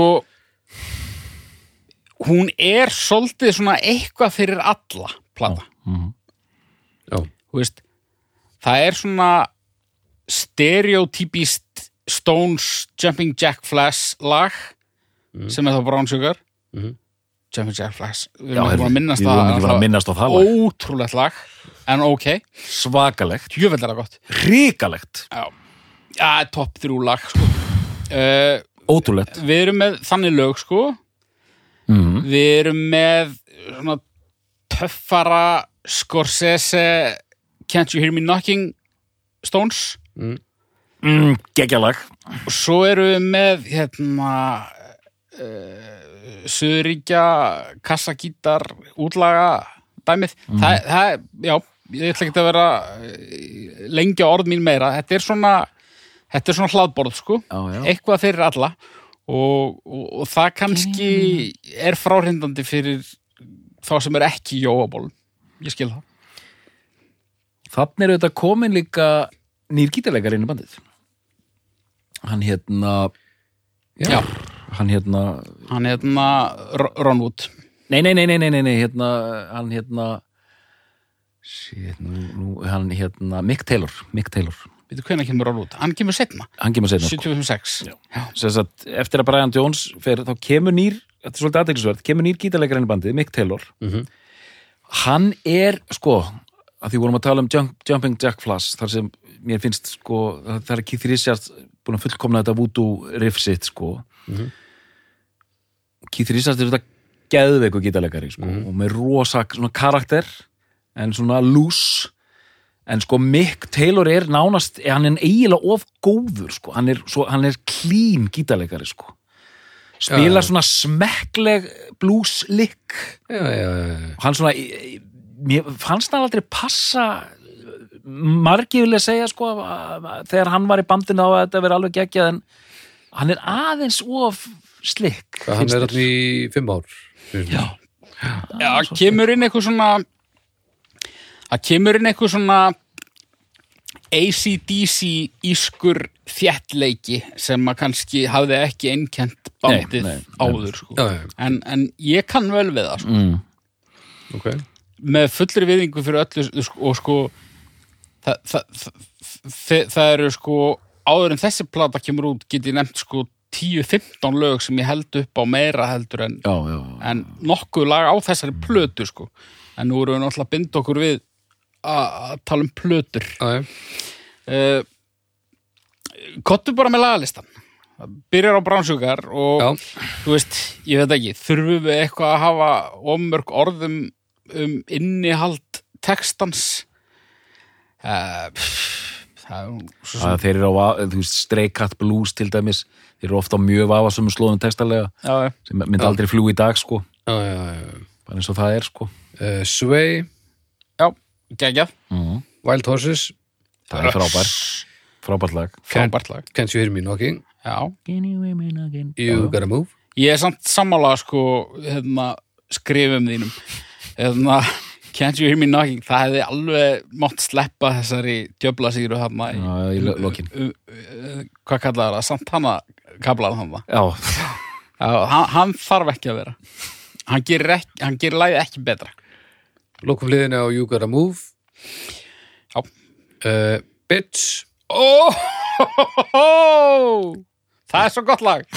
Jöfnir það gott lag I það, er- er svona live, with- live, live with me lagið þarna mm the, I got the Blues, já, Fann Morrison feelingu, leiðum því að slæta já, klárlega Sister Morphine, geggja lag. Það er ekki reyna því. Ég, ég, ég geng svo langt að segja þessi hundurinn, sko.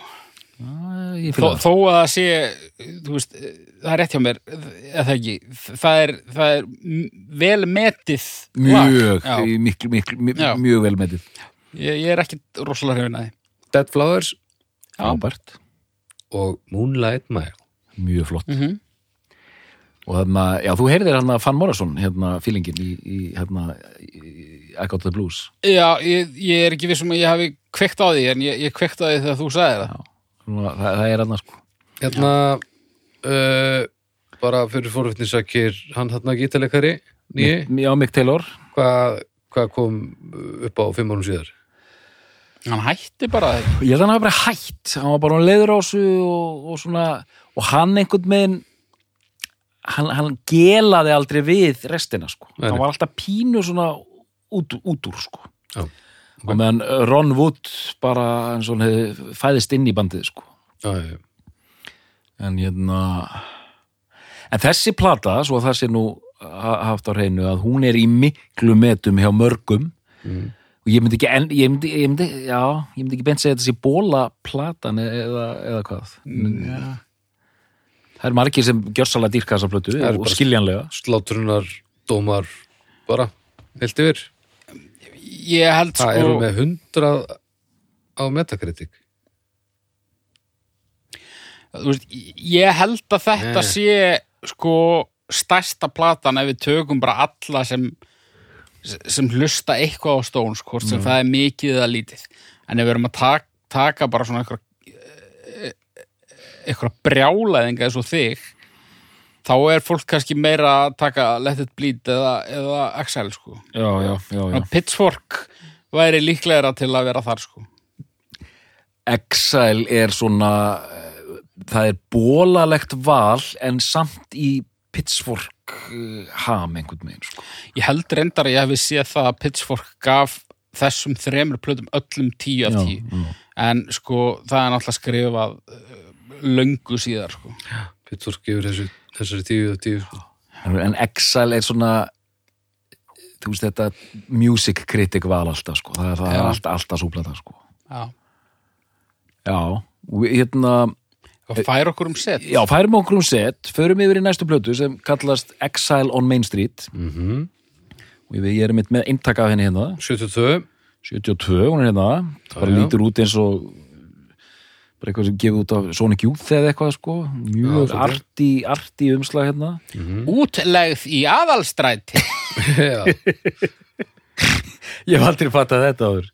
Sko ég ætla að reyna, reyna að vera eins sko þetta finnst mér að vera besta stónsplatan og þetta er svona daburleg niðurstaða því þetta er líka temmilega bólaleg niðurstaða því að þetta er alltaf platan sem er talað um sem þeirra mestarverk og þegar ég gekk á hólm við þessa plötu, loksins Mm. og ég bara ég bara aldrei heyrt annað eins. Mér finnst þetta að vera bara besta bara varnarlaus. Varnarlaus, mér finnst þetta að vera einn besta bara rockplata sem ég hef heyrt af því að sko hún hljómar eins og ekkert sem á undan kom og eins og ekkert sem kemur á eftir líka þetta er algjörlega svona unique plata tvöföld plata mm. hvað er þetta, 25 löganna eða whatever Hvað er hún löng? 6707 Ok. og platan er öll sko hún var sér að tekin upp í Fraklandi kjallara á hérna heimili Keith Richards mm. Og þú veist, saxafótnin tekin í ganginum og hérna, og það, það virkaði ekkert og var allt í rugli og það er smá eftirvinnsla í, í Los Angeles síðan en hérna uh, þetta er bara sko það er einhver fár þetta hljóma klísulega, það er einhver fáranlegur andi í þessari plötu sem bara ég bara skil ekki enn þann dag í dag sko. þetta er bara svona, mér finnst hún algjörlega geggjuð sko. Og bara stórkostlega lög geðveikur svona fílingur og bara einhvern veginn allt sem gengur upp sko, í öllu fokkingsferðalaginu sko. Já, Þú sko, við förum bara aðeins aðeins yfir listan, aðeins að fá hérna, já, Rocks Off. bara fáránlega flott lag og hvernig, hvernig platan hérna fer af stað. Rip This Joint, mm Shake Your Hips. Einmitt, þetta er allt svona harðir svona fáránlegir blúsarar einhvern veginn sko Casino Boogie, Kassim, já, það það er flott sko. Tumbling Dice. Tumbling Dice er bara ógæsla flott lag. Svona rólegt svona gospel hérna miðað einhvern veginn sko. Mhm. Hlið 2, Sweet Virginia.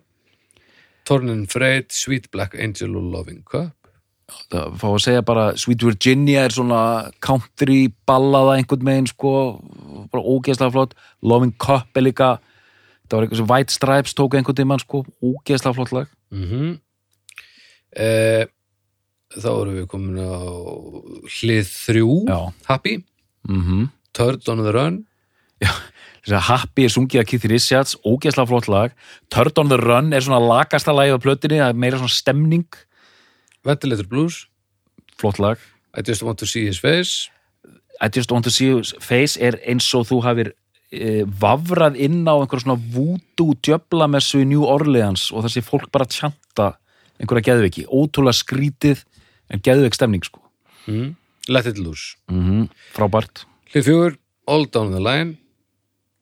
All Down the Line er bara því við erum að tala um svona það er bara svona besta einhvern veginn rock svona rocklægið á plötunni og hérna bara eitt besta lag Stones ever sko, ég dýrka þetta lag Stop Breaking Down.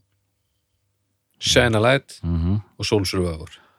Shine a Light, svona frábær svona ballaða og Soul Survivor líka sko, þetta er bara, já, ég, ég, það er ekki mikið viti mér núna, því mér finnst þetta allt geðið sko. Já, samt svona með ég taldi það nú ekki nákvæmlega með hvað þú kommentar á mörg lög og hvað þú sagðir um mörg, já.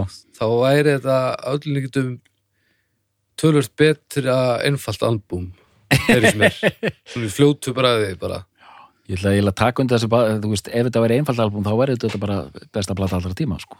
Já. hvað segir þú ykkur? Sko, dun, dun, dun, dun, dun, dun, dun. þú varst, þú varst mjög kurteis og almennilegur við mig þegar ég var að tala um plötuna sem að ég teldi fram. Þarna er haugurinn sem ég þekki þarna kemur, þarna kemur, þarna kemur. já, já, Ég þekki þetta Mér, mér finnst þetta bara fyrir leiðinleg plata. Sko. Eiginlega bara mjög leiðileg. Það er bara leiðinlegasta plata. Nei, ok. Ef, að sko- getur séð svipin og dottor Nei, ég, ég, Gapandi dottor ég náði yngri tengingu þessu plötu, ekki netni. Þá, þá voru lögarna sem ég fannst ágætt, en sko, ég bara, ég rúlaði henni í þrígang og hún greip mig ekkert meira eftir því sem á leið, sko.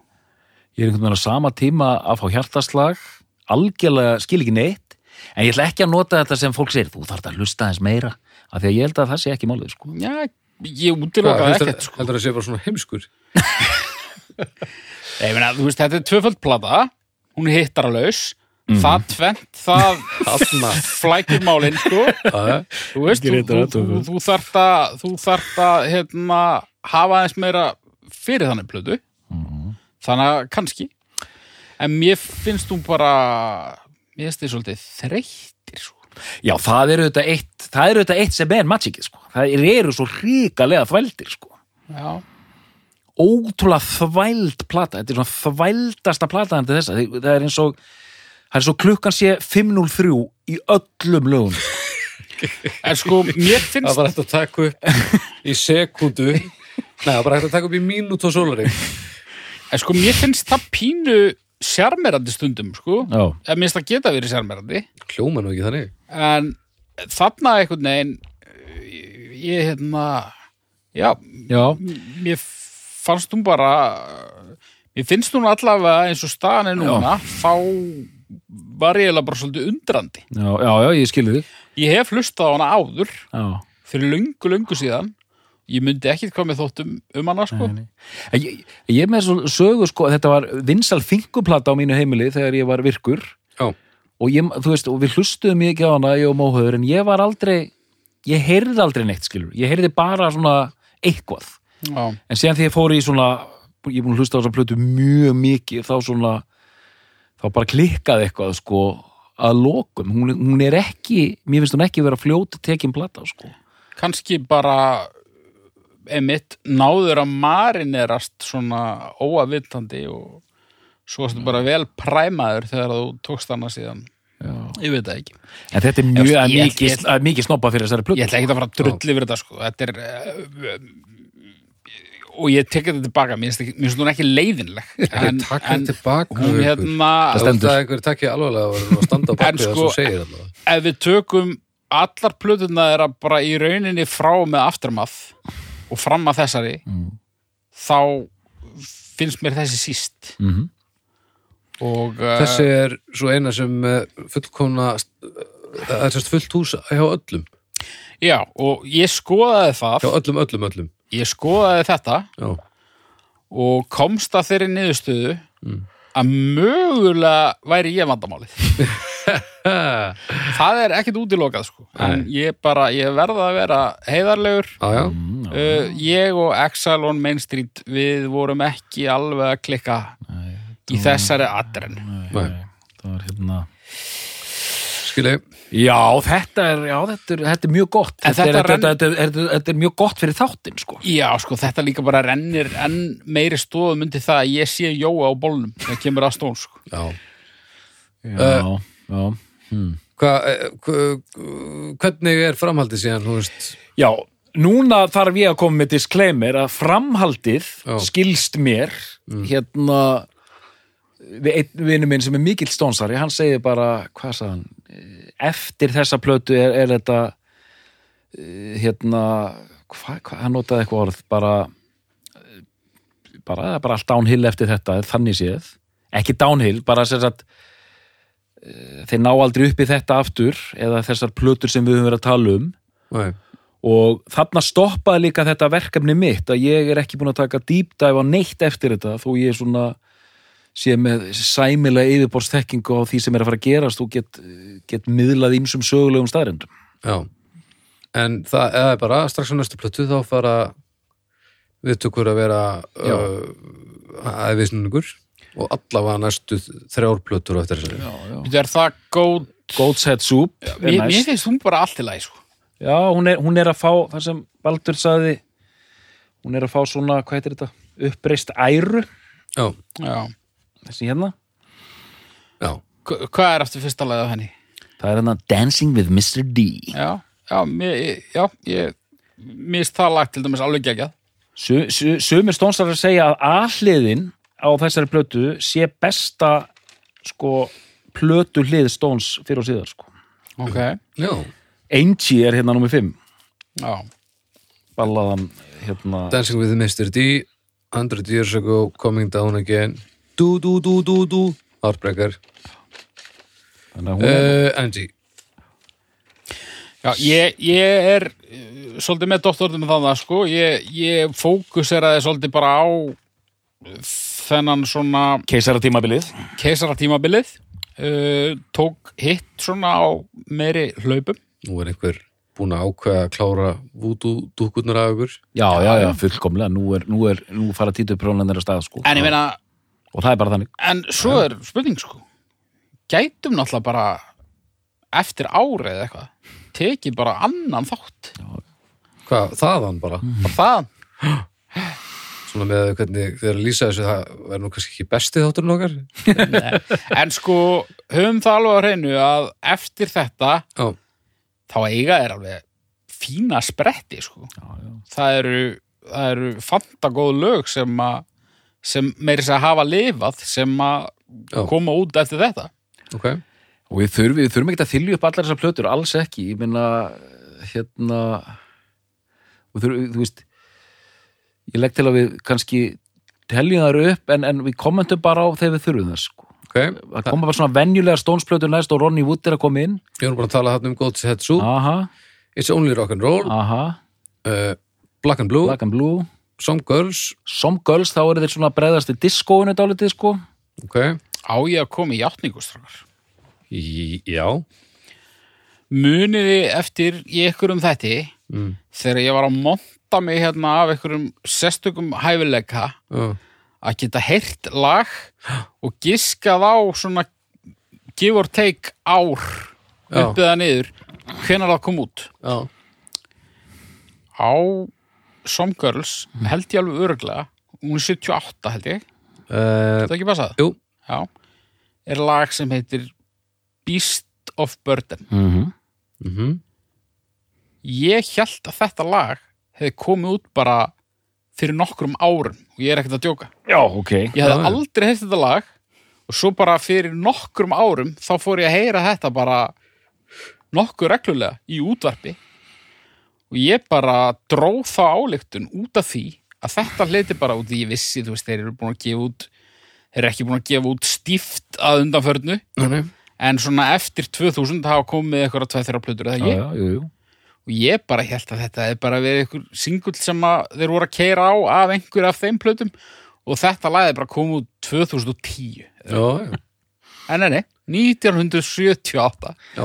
Og hvað er aftur, eh, fyrsta lagi á þessari plötu, Some Girls, er hérna, Uh, það er ég, uh, eða er Miss You, já, þú veist, þá eru komnir í svona er það hérna And I'm missing eða svona, hvað lag er það aftur? er í komin, er í svona disco karabíu feeling einhvern, sko hvað lag er ég að göla? da, da, da, da. er það ekki á þessari Jú Já, mér finnst þetta fínt, sko. Já, ekki þessu. Uh, Tattoo You Nei, Emotional Rescue, næst. Já, Er er, er eitthvað um að tala þar? Nei, Tattoo You uh, Emotional Rescue er En- 80, Tattoo You er 81 ég vildi bara, nefn, bara staldra aðeins þennan þess að þau komu náttúrulega með þú veist, ég veit ekki, er, er það comeback-plata? Það er allavega svona það er allavega svona einhvers konar hátindur á einhverjum tímampúti Já, já, og hérna Hvað, Tattoo You? Já, eða ekki. Er bara árið síðar.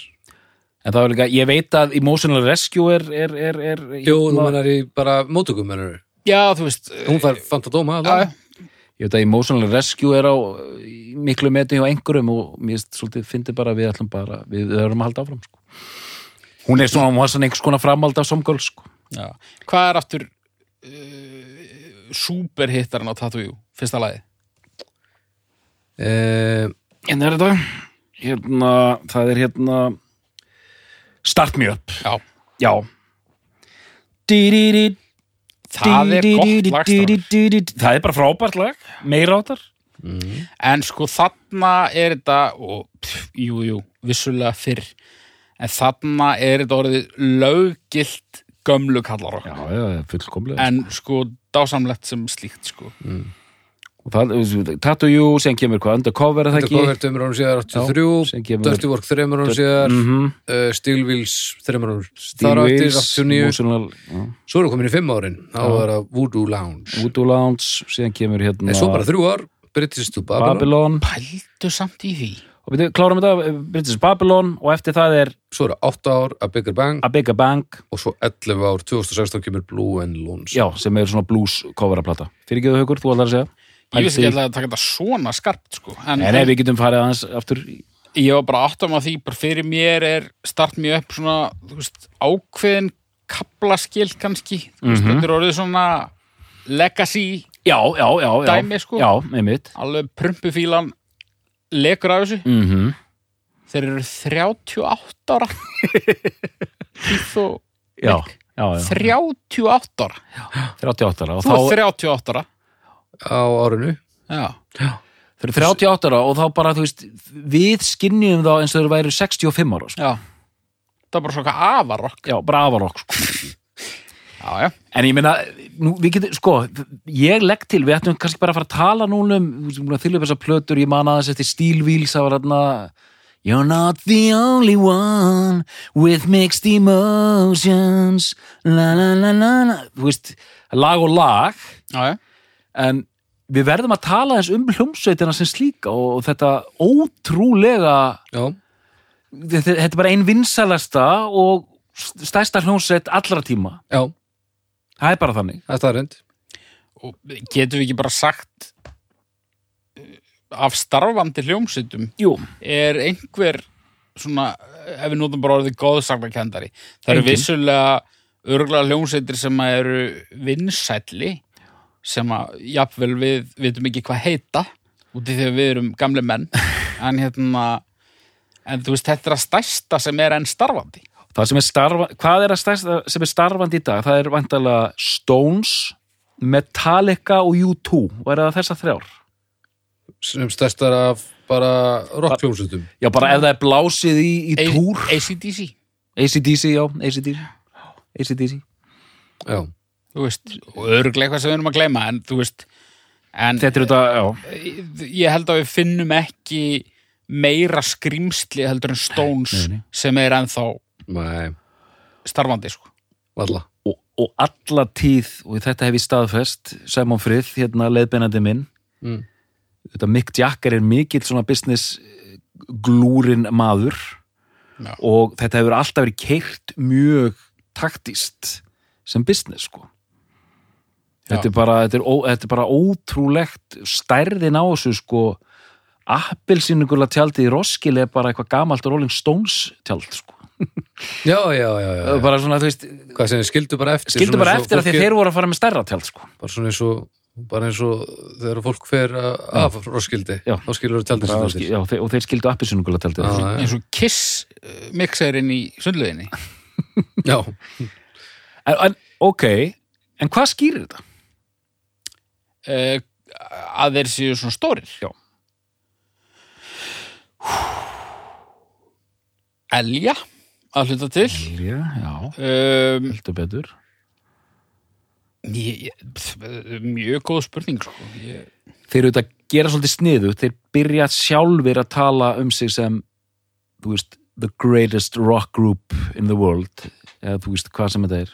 Já, besta rockljónsett heims þetta er bara þeirra taglína sko það vaggar enginn eins og við vöggum og það veldur enginn eins og við veldum hvernig værum við að tala um Stones ef að þeir hefðu hætt á sama tíma á bílarnir uh, Þa- þá minna, held ég þá væri sko Let It Bleed síðasta plata já, já. ég held að það væri þá tala um svo hljónsett sem bara svona wow, djöfull var þetta impressive run Já. hjá þeim já, já, já. bara wow, þessar en þú veist, en þeir, fengið ekki svona bara baksýnis beils romantík já, bara spurning sko á hvaða kaliberi sko, þeir já. á einhverjum bítlaskala eða væru þeir á Kings skala sem bítlarnir, er tölvert minni skali bítlarnir náttúrulega urðu það stórir þegar þeir voru starfandi Mhm. að heimurinn hafði aldrei séð annað eins mm. Ég en þú- urðu ógeðslega stóri ekki, ekki þannig svo. nei, það var ekkert þannig Nei, en, þannig að ég held þú keppir ekkert við það í umtali eftir á ef að ferlinn er ekki lengra þetta. En þú veist, væru við nær bítlunum eða væru við nær Hermans Hermits? Ekki ekki- einhver stóra milli kannski? Ég er náttúrulega þykir mjög hérna, leitt að þú skulle tala svona um Hermann Sörmits aftur og ítrekk að, þú skulle nota það dásalega band sem einhvern lágpunkt uh, þetta er bara fárulega hefur haukur og, og mér líður- lágpunkt. mér líður eins og þú ættir að- að að vita betur. Uh, nær bílunum A- að því sögðu, þá held ég nær bílunum en ég held við séum ekkit ég, við erum ekkit að tala með það þá á, á sama kalibri sko. það væri talað um bara, vá, munið eftir þessu bandi. Þetta var hérna Between the Buttons síðan kemur hérna Satanic, síðan kemur þess og þessi. Djúlar þetta geggja band og síðan hættuður bara með Let It Bleed. Hvað hefði getað orðið? Það hefði verið spurningin sko.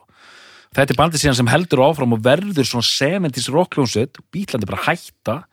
Fara auðvitað sólóferðla allir en hérna en ég meina, Stones gerðu þú veist, þetta er ef ég tek bara þetta 60s og 70s þetta er rosa gott rock, þetta er rockljónsveit sko auðvitað þurfa að dubla við disco og, og reyna að breyðast við tímanum en þetta early 70s stótt er þetta er rock og roll sko já. rosa template fyrir bara ACDC, Aerosmith Mm. allar þessar hljómsveitir sko algjörlega. og svona rockstjarnan sko, Mick hérna eins og hann er og þessi gítar hetja uh, Keith. Já, ég var náttúrulega góðsögnin um hann að, veist, þetta er svona hann eh, í ákveðni kreðsu er bara Chuck Norris uh, þessa umtalskilur veist, hann er, hann er sá sem er ódreipandi af því Já. að hann er búin að borða heroin frá því að Bach var upp á sitt besta og þetta er bara Og það er samt svo leiðinlegt út af því að sko, ég ætla ekki að fara að halda því fram að hann sé eitthvað vannmetin gítalegari, alls ekki. nei, nei, nei, En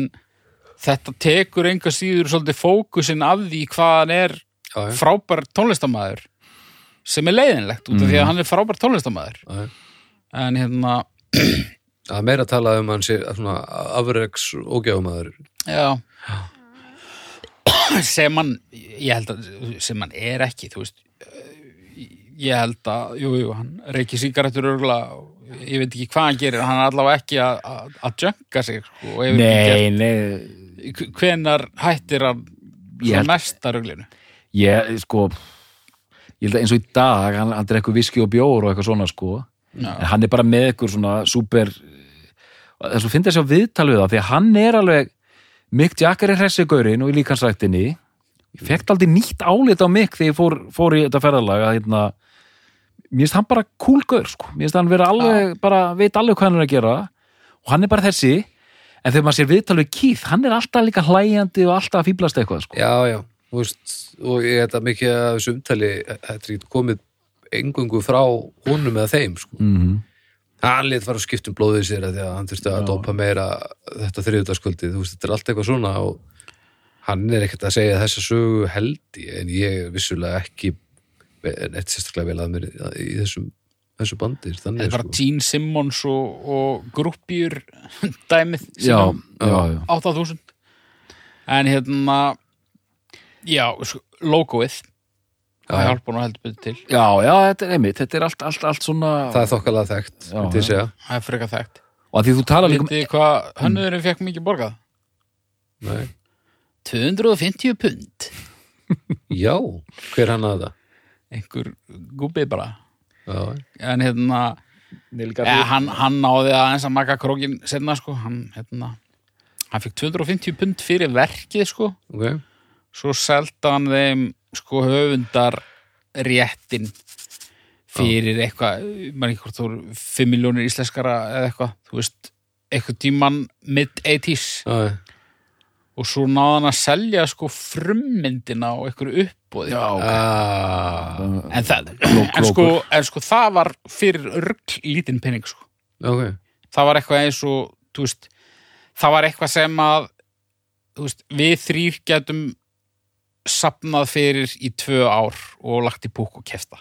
Nú, já, ok. Það var bara eitthvað eins og tímiljónir eða eitthvað. Já, bara beðan ekki nóg lengi bara ja, nei, þú veist, hann, hann gaf helmingin til góðgera mála eitthvað, ég heldur hann sé drull. Hann hefur örgulega náð að að kresta eitthvað út úr þessu meira sko. ég, ég vona það, vegna þess að þetta er náttúrulega bara eitt brandaðasta Já. dæmi allra tíma, sko. Þetta er mjög mikið og, og, Þetta, þetta, þetta virkaði. Að þú tala líka um elju að hérna og hvernig hlutir virka ég var að heyra það hérna Freyr Eyjólfsson hérna mikill, mikill stónspælari og hérna að þetta eru þeir gaurar eða það eru ykkur tónleikar í gangi og það logoð á að vera frammi við yfir bólasölunni sko. Já, og ef, ef logoð er ekki nógu stórt sko þá er bara Mick Jagger mættur skilur, 75 ára alveg brjálæður sko. Bara svona Já. þú veist, þeir eru alveg bara algjörlega með, með hérna með pötan á púlsinu hvað það, þetta allt var það sko. Já, og líka svona bara, halda og líka til öryggis. Já, Já, bara til að vita maður sem er púls þeir eru ekkert eðlilega gamlir. Hvernig, hvernig er þetta bara já ég, hvernig getur sko hann er 7, 43 hann er þá á 79. ári Dekkar já Hann væri búin að fá frítt í sund í 12 ár á Íslandi Þú veist, ég ætla að vera búin að sitja í 20 ár helst þegar, ég, þegar og ef ég verð svona gammal sko. og, og McCartney er áttaræður sko. þetta er bara svona, að því að hann er, hann er alltaf að djöblast á sviðinu, hann Dekkar Djöfull verður leiðinlegt þegar þeir fara að deyja allir maður já, já, Já, það Charlie Watts náttúrulega dó hvað bara í fyrra eða var það í ár já. Nei, nei, nei, nei, nei. Það er svona hálft ár síðan hálft ár síðan Uh, já, það er svona sent Já, það er bara í, í hérna ágúst. Og þú veist uh, uh, náttúrulega sk- væri hægt að gera seríu um þessa hljómsveit, ég veit ekki hvort að ég væri rétti maðurinn til að taka þátt í því en, en þú veist, Í- Það við er erum múið lítið búin að tala um meðlimina aðra en bara, Ég, það er búið að gera séri um þessi hljómsveit sko. ég, já, ég meinti svona kannski Ég bara- leiki, Leikihefni En þessi, við vissum alltaf að þetta yrði þrútin þáttur. Við, við hefðum getað talað um Jumping Jack Flash allan þáttin sko. já, já, er en sko við erum búin að tala eins um Mick og, og Keith svolítið, svolítið vel sko Já, viltu við hinna? og, og Brian Jones fekk hérna, fekk sitt slott sko Já, já. Charlie Watts, Mm -hmm. trommuleikari mm. eh, mjög sérstakann trommustýl Já, eh, góður trommuleikari já, já, já. eh, en svona hann er ekki þessi svona in the pocket náungi Nei, sem að, og enga slöfur nei. Sem, sem, sem einhvern veginn samt svona gerir þetta sérstakara og, og skemmtilega einhvern veginn. Mm. ég, ég hef aldrei sér trommuleikara til dæmis tromma veist, stundum eh, stundum er bara bassatromma. Mhm. eða, eða þú veist, í sumum lögum er voða lítið að gera sko en sko þegar hann er í þessum standardtakti sko, ég veit hvort hann gerir þetta alltaf eða bara stundum, en þú veist hann, hann, hann, hann sleppir hæjætt slæginu mm. þegar hann slæðir á sneril Já, ég, ég hef ekki séð neitt trommuleikari í heiminum gera þetta Nei. þetta er mjög furðulegt og mjög óþægilegt að horfa á þetta en þetta samt svona gefur eitthvað svona tött sem að okay. heyrist ekki annars staðar uh, Ron Wood Já, tökum líka þessi, sko, Bill Wyman, sko að því að líka, ég er með geggjaðan Billy Wyman Já. móla. Komdu með það. Þú mátt koma með hann líka upp með hann. Nei, ég ætla bara að segja, að mér svo fyndi sko að, þú veist, Bill Wyman og, og, og Charlie Watts voru líka þessir alúf gaurar, já, bara eins og myndastittur alltaf, sko. Mm. einmitt. Í öllum við tölum og svona, sögðu aldrei orð, sko. Nei, nei. En komdu með Wyman mólun uh, hann er eini maðurinn í heiminum sem ég veit til þess að hafi markaðsett signature málmleitartæki Nice! Þú getur farið á internetið og keftir Bill Wyman Signature málmleitartæki Ok, og hann, þetta er eitt af hans aðaláhuga málum Já, já, á samt því að vera með ólögraða stúlkum. já, já, ég mitt Það er það að vera eitthvað í fjörunni með málmleitartæki. ok og, og, og einmitt, málmulegta tæki og síðan, ég held að hann hafi náða að giftast dóttur ömmu sinnar eða eitthvað alveg. þetta var eitthvað svona alveg fáranlega dæmi sko. Vafa samur dúti, sko. og, en hann var víst svona arkivistinn sko. 52 giftist hann 18 ára uh, stelpu sem að hafa búin að vera eitthvað uh, með síðan hún var 14 sko. Já. En googlaðu, please bara, ég vil bara sjá þetta í betni, sko. Googlaðu Bill Wyman metal detector og bara images. Jésús og sí- og síðan var hann svona, svona skjalanörd hann átti víst sko dagbækur frá hverjum einasta Já, já, hann var svona dag- dagbókanörd sko. Þetta er ekki lagi sko. Nei, er þetta að sjá þetta? Er ég að sjá þetta? Hver, djúvill er þetta eins og einhverja glendum Þetta er rosalegt. Baldur er sér að sína okkur mynda Bill Wyman með málmleitartæki í góðum fíling Hann lítur ekki út fyrir að vera rétt að komast að einhverju frekkara Hann lítur bara út fyrir að vera býð eftir döðanum. En sko byrju, hætt, hann hættir svo- svo- svo 90 eitthvað, snemma 90 eitthvað, eða ekki? Jú, eitthvað leis Og síðan þá hafa 93. verið með Já, síðan þá 93. hafa þeir verið með hvað heitir hann, Darrell Jones. Dal Jones, já sem er bara touring bassalegari, Já, en- engin síðan, þannig séð. Hann er búin að vera í hljómsveitinu hljómsveitinu í 28 ár. Hver? Bassaleikari Jones, Ha, bara eitthvað svona bara einhver maður. Hvað heitir hann séru? Darryl Jones hann er ekki einu sinni Skráður. skráður. Sko. nei, hann er ekki offisíal meðlumur en hann er búin að spila með þeim á öllum túrum og inn á allar plötur síðan þá. Já, Þetta, þetta eru Ian Stewart örlögin sko. Þetta er rosalega og þetta er náttúrulega bara, þú veist kannski undirstrykar það hvað þetta er mikil business, sko. Og þegar þú spyrð, sko hvers vegna er þetta svona stórt það er náttúrulega hundra ástæður Já, já, já, já, já, já. það er, þú veist, hérna Líka enga linkind enga meðvirkni með Ian Stewart. Nei, nei, bara út með hann. Nákvæmlega En Ron Wood, við þurfum að tala um hann. Ron Wood, ég hef ekkert að segja um Ron Wood nema það að Ron Wood er sko ég er gagkinnheður Mhm. ég skilgreini mig þannig Já. ef ég þarf að skilgreina mig. Já, það, ok. er ekkit, það er ekkit issue sko. Svona mestu, langmestu. Það hefur gerst ör sjaldan á æfinni að ég, hefur dreymt kynferðislega um karlmenn. Ok, fyrsta og óþægilegasta skipti var á mentaskóla aldri þegar mér dreymdi kynferðislegan draum um Ron Wood. Já, já. Og ég svona eiginlega vissi valla hvað það var. Ég vissi bara að það var einhver maður sem var einhvern tímann í Rolling Stones. Þetta er eina sem ég hef um hann að segja sko. já, ef þú hafðir einhvern veginn ágjörð því að þessi þáttur er eitthvað, eitthvað ekki, ekki nægilega góður þá, þá, þá var nú orðin mjög góður hér með. Okay. Já, ég vildi bara þessu með ykkur sko. ég, þú veist, mér þætti þetta svo sem ekkert eitthvað óþægilegt að vakna eftir svona, svona draum í dag. Ég myndi bara svona hrista það að mér. Já, já. En, er- en svona 19 ára ég eitthvað með högutopin það, ég var ekki að fíla það sko. nei En, það, en þarna kemur þetta inn í bandi maður sem er bara svona eins og litli bróðir kýð, sko. Og með Já. mjög svipaðan stíl. En verra hár. Já, já, verra hár já, er, svipaðan stíl, náttúrulega- hann er rosalega sko. Hann, hann er svakalugur og hann var hann í, hann var með Rod Stewart í Faces. Já, já, og hann smittaðist af hárinu þá? Já, já, já hann, hann, hann tók hárið, hann já. smitaðist að hárið hans Rod já, já, já, Rod the Mod já. og Faces var þetta líka geggjað svona rockband, svona Black Crowes hérna. Black Crowes er bara svona Faces bara nánast rip-off sko. Ég bara vildi ég þekkti faces betur sko.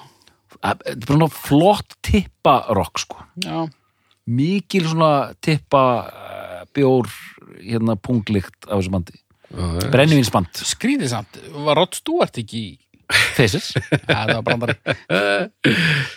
Þetta er bara þeir eru, tittlingur á tveimur fótum. Sko. það er eins og er hérna þessi, þessi byrjaðar aftur að gera þetta sko. Um, já. Uh, já, já, einmitt. En sko Já, þeir, eru, þeir eru, fóru í stúdíónuna 19. júli 2021 þannig að það er meira efni á leiðinni frá hverjir? Faces Já, Faces, já, Hva? Hvað er stegur að menna? almennlegt já, kannski Stones, nei Já, ég, Stones, sko, hún var nú ekki sérstaklega skemmtilega þessi Bigger Bang sem kom út 2005 Nei. sem er þá fyrir 17 árum síðan sem hefur komið út plata með frumsömdu efni já. 17 ár En uh, svo sem kom á eftir því en að 2016 cover Já. hún fekk fantadóma Já, ég, ég man bara af þessum nýri Já, hún fekk allt í plötum lagi dóma líka þar séðast sko já, Já, já, af þessum nýri plötum eða þú veist, eiginlega bæði með þannig Voodoo Loud Já. sem er ekkert tíma 94-5 já, 94 og Bridges to Babylon 94. sem er senna Já, já, báðar þessar plötur sko, þessi rock tímarit sem að ég var að lesa mm. Sko, rockpressan vildi svo mikið óta þessum tveimum plötum að mér sko. mm. þannig að ég mögulega eru þær kannski svona stærri í Byrja, haus, haustum á mér heldur en það er raunverulega voru sko. einhver, einhver blöð sem þú varst að lesa á þeim tíma já, bara þú veist Já, það er bara maskinan þeirra líka, sko já, þannig að kannski, þú veist, held ég að þetta séu meiri bombuplötur heldur en það eru sko. ég, ég var að hlusta á þær í fyrsta skipti núna það var lag sem ég fílaði vel af, af, af, af, af Woodlands, hérna, Love is Strong. Það er flott. Man ekki að því. En, en þú rúla, þú, Fyrsti rú, singull, já, þú rúlaðir þessum plötum núna? Fyrsta, Já. fyrsta, fyrsta leiðan Ég, ég, ætla ekki, ég ætla ekki að segja að ég hef ekki verið að gera eitthvað annað á meðan en jú, ég gerði það. Já, segðu okkur frá. Bara nákvæmlega við gá- gáðum þeim það pláss sem þeir eiga skilið sko. Já, einmitt. Bara já. allt í lagi. 62 mínútur Já, byttu, já, Voodoolands uh, British to Babylon, já, Love is Strong ég, það var alltaf verið að spila eitthvað vídeo í MTV, sko í, eins og ég segi, alltaf einhver lög og lög á stánglið sem eru Já, já. bara ljómandi sko. já, já. Hvernig er þetta hjá þeim núna? Er, þeir eru bara að spila já, það var verið bara þeir eru að fara að túra Er ekkert að, er ekkert farið að hægjast á mikk til dæmis? Virðist ekki vera Hvað var að segja? Er hann ekki 78? 79. Já, verða. 79? Hann er ótrúlegur þessi tapi, þeir voru að spila sko, þeir eru að fara að túra eitthvað þeir, að túra, þeir eru búnir að vera á túr. Og Mick, einhvers staðar í Ameríku og Instagram reikningur hérna Rolling Stones þá er Mick alltaf sko hei, við erum konið til Las Vegas hérna, sjáumst í kvöld. Bara einhver svona Instagram hérna 5 sekundar vídeói sko. Já. Virkilega gott að vera hérna. Síðan tekur hann svona túristaljósmyndir af sér sem er svona er bara einhver er góðum gýr einhver staðar sko. Bara að vörka þetta. Hmm. Hann er bara að vörka hann, er, hann er bara að vörka þetta og hann setur svona brandara núna um daginn eins og þeir væri að tala saman á Messenger. Og kom svona mikk, hei strákar, við erum að fara á túr, eru þið klárir? Svara Ron Wood, já, já, ég kem. Hérna, já, emitt, gera það. Og sí- síðan svara Ron Wood, heyrðu ég ætla að ringi hann kýð á landlínunni að þú hvort hann kom ekki líka eitthvað svona brandari sem mikk er að bú, búa til þannig að hann er svona on it, sko Er hann bara eitthvað bara í Photoshop á kvöldin bara. Já, ég held að hann hefði gert það sjálfur þetta-. Þetta, Rolling Stones fór, fór nú ekkert úr bólnum við þennan brandara, myndi ég segja. Þetta, þetta eh, það verður hægt að sína þennan brandara í, í háluleik á handbóltamóti og, og það myndi allt vera villust sem er bara gott og blessað, sko. Það er bara, En eh, sérst, já, þeir eru einhvern veginn annarkvort ný hæ- hættir á túr og er að fara á túr og það virðist að vera bara sama djöfusins hérna dæmið í gangi, sko. og þetta er gaman hjá það með þá Í, í, það, það lítur að vera Þe, þeir þurfu ekki Þú feikar það ekki 80 ára gamall Nei, þeir eru líka bara, þeir þurfu ekki peningin, sko Nei, nei, nei. Eh, þeir náttúrulega sem þekki ekki neitt annað en líka af hverju að hætta að gera eitthvað sem þeir finnst ásanlegt að, gera svo lengi svo þú getur gert það Það er alltaf einhver, það er alltaf regluleg svona hérningavík á milli þeirra hann að tökja The Glimmer Twins, hérna Jagger og, og Richards. Ætli samt Wyman eigi aldrei svona moment eitthvað í fjörinni eitthvað að grafa upp einhver lok af niðursuðu dósum með þessum málmleitartæki sínu Já.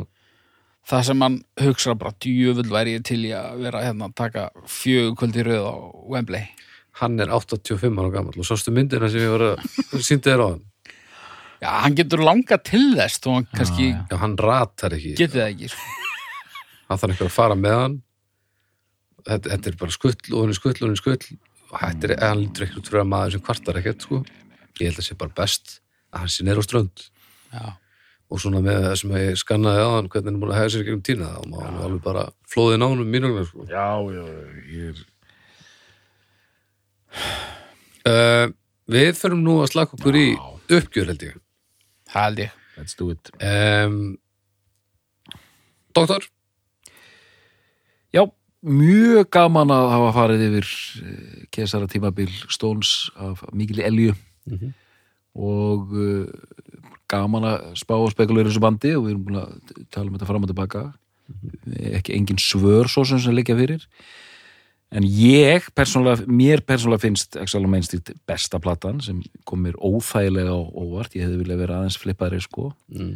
Þannig að þetta er svona eh, dál, dálitil bólur en eins og ég bara líst á þann það er bara eitthvað stórkoslegt uh, andrúsloft á þessari plötu og, og sem, sem trompar einmitt einstök lög sko, það er bara eitthvað svona geðveiku fílingur en gangi og ég, ég hef sjaldan heyrt þannig eins sko, þannig að ég einhvern veginn kristnaðist til hennar Mhm.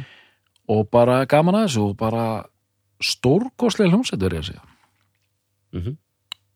Haukur Já, eins og ég sagði hér í upphæði þáttar þá uh, reyndist ég vera verð að mér í, í í rollingunum en, en í upphafi var talið. Já.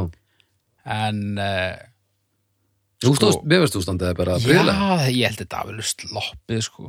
En eftir stendur að ég er stónsbólur Já, ég er maður sem að yfir bara ógeðslega sáttur að sjá þá bara, þú veist, fara bara í pólóbólnum bara til köpen að sjá þá áttræða og bara eitthvað, hérna, bránsjúkar bara í stuði. Já, það er bara svona svolítið uh, minn stóns vingill sko.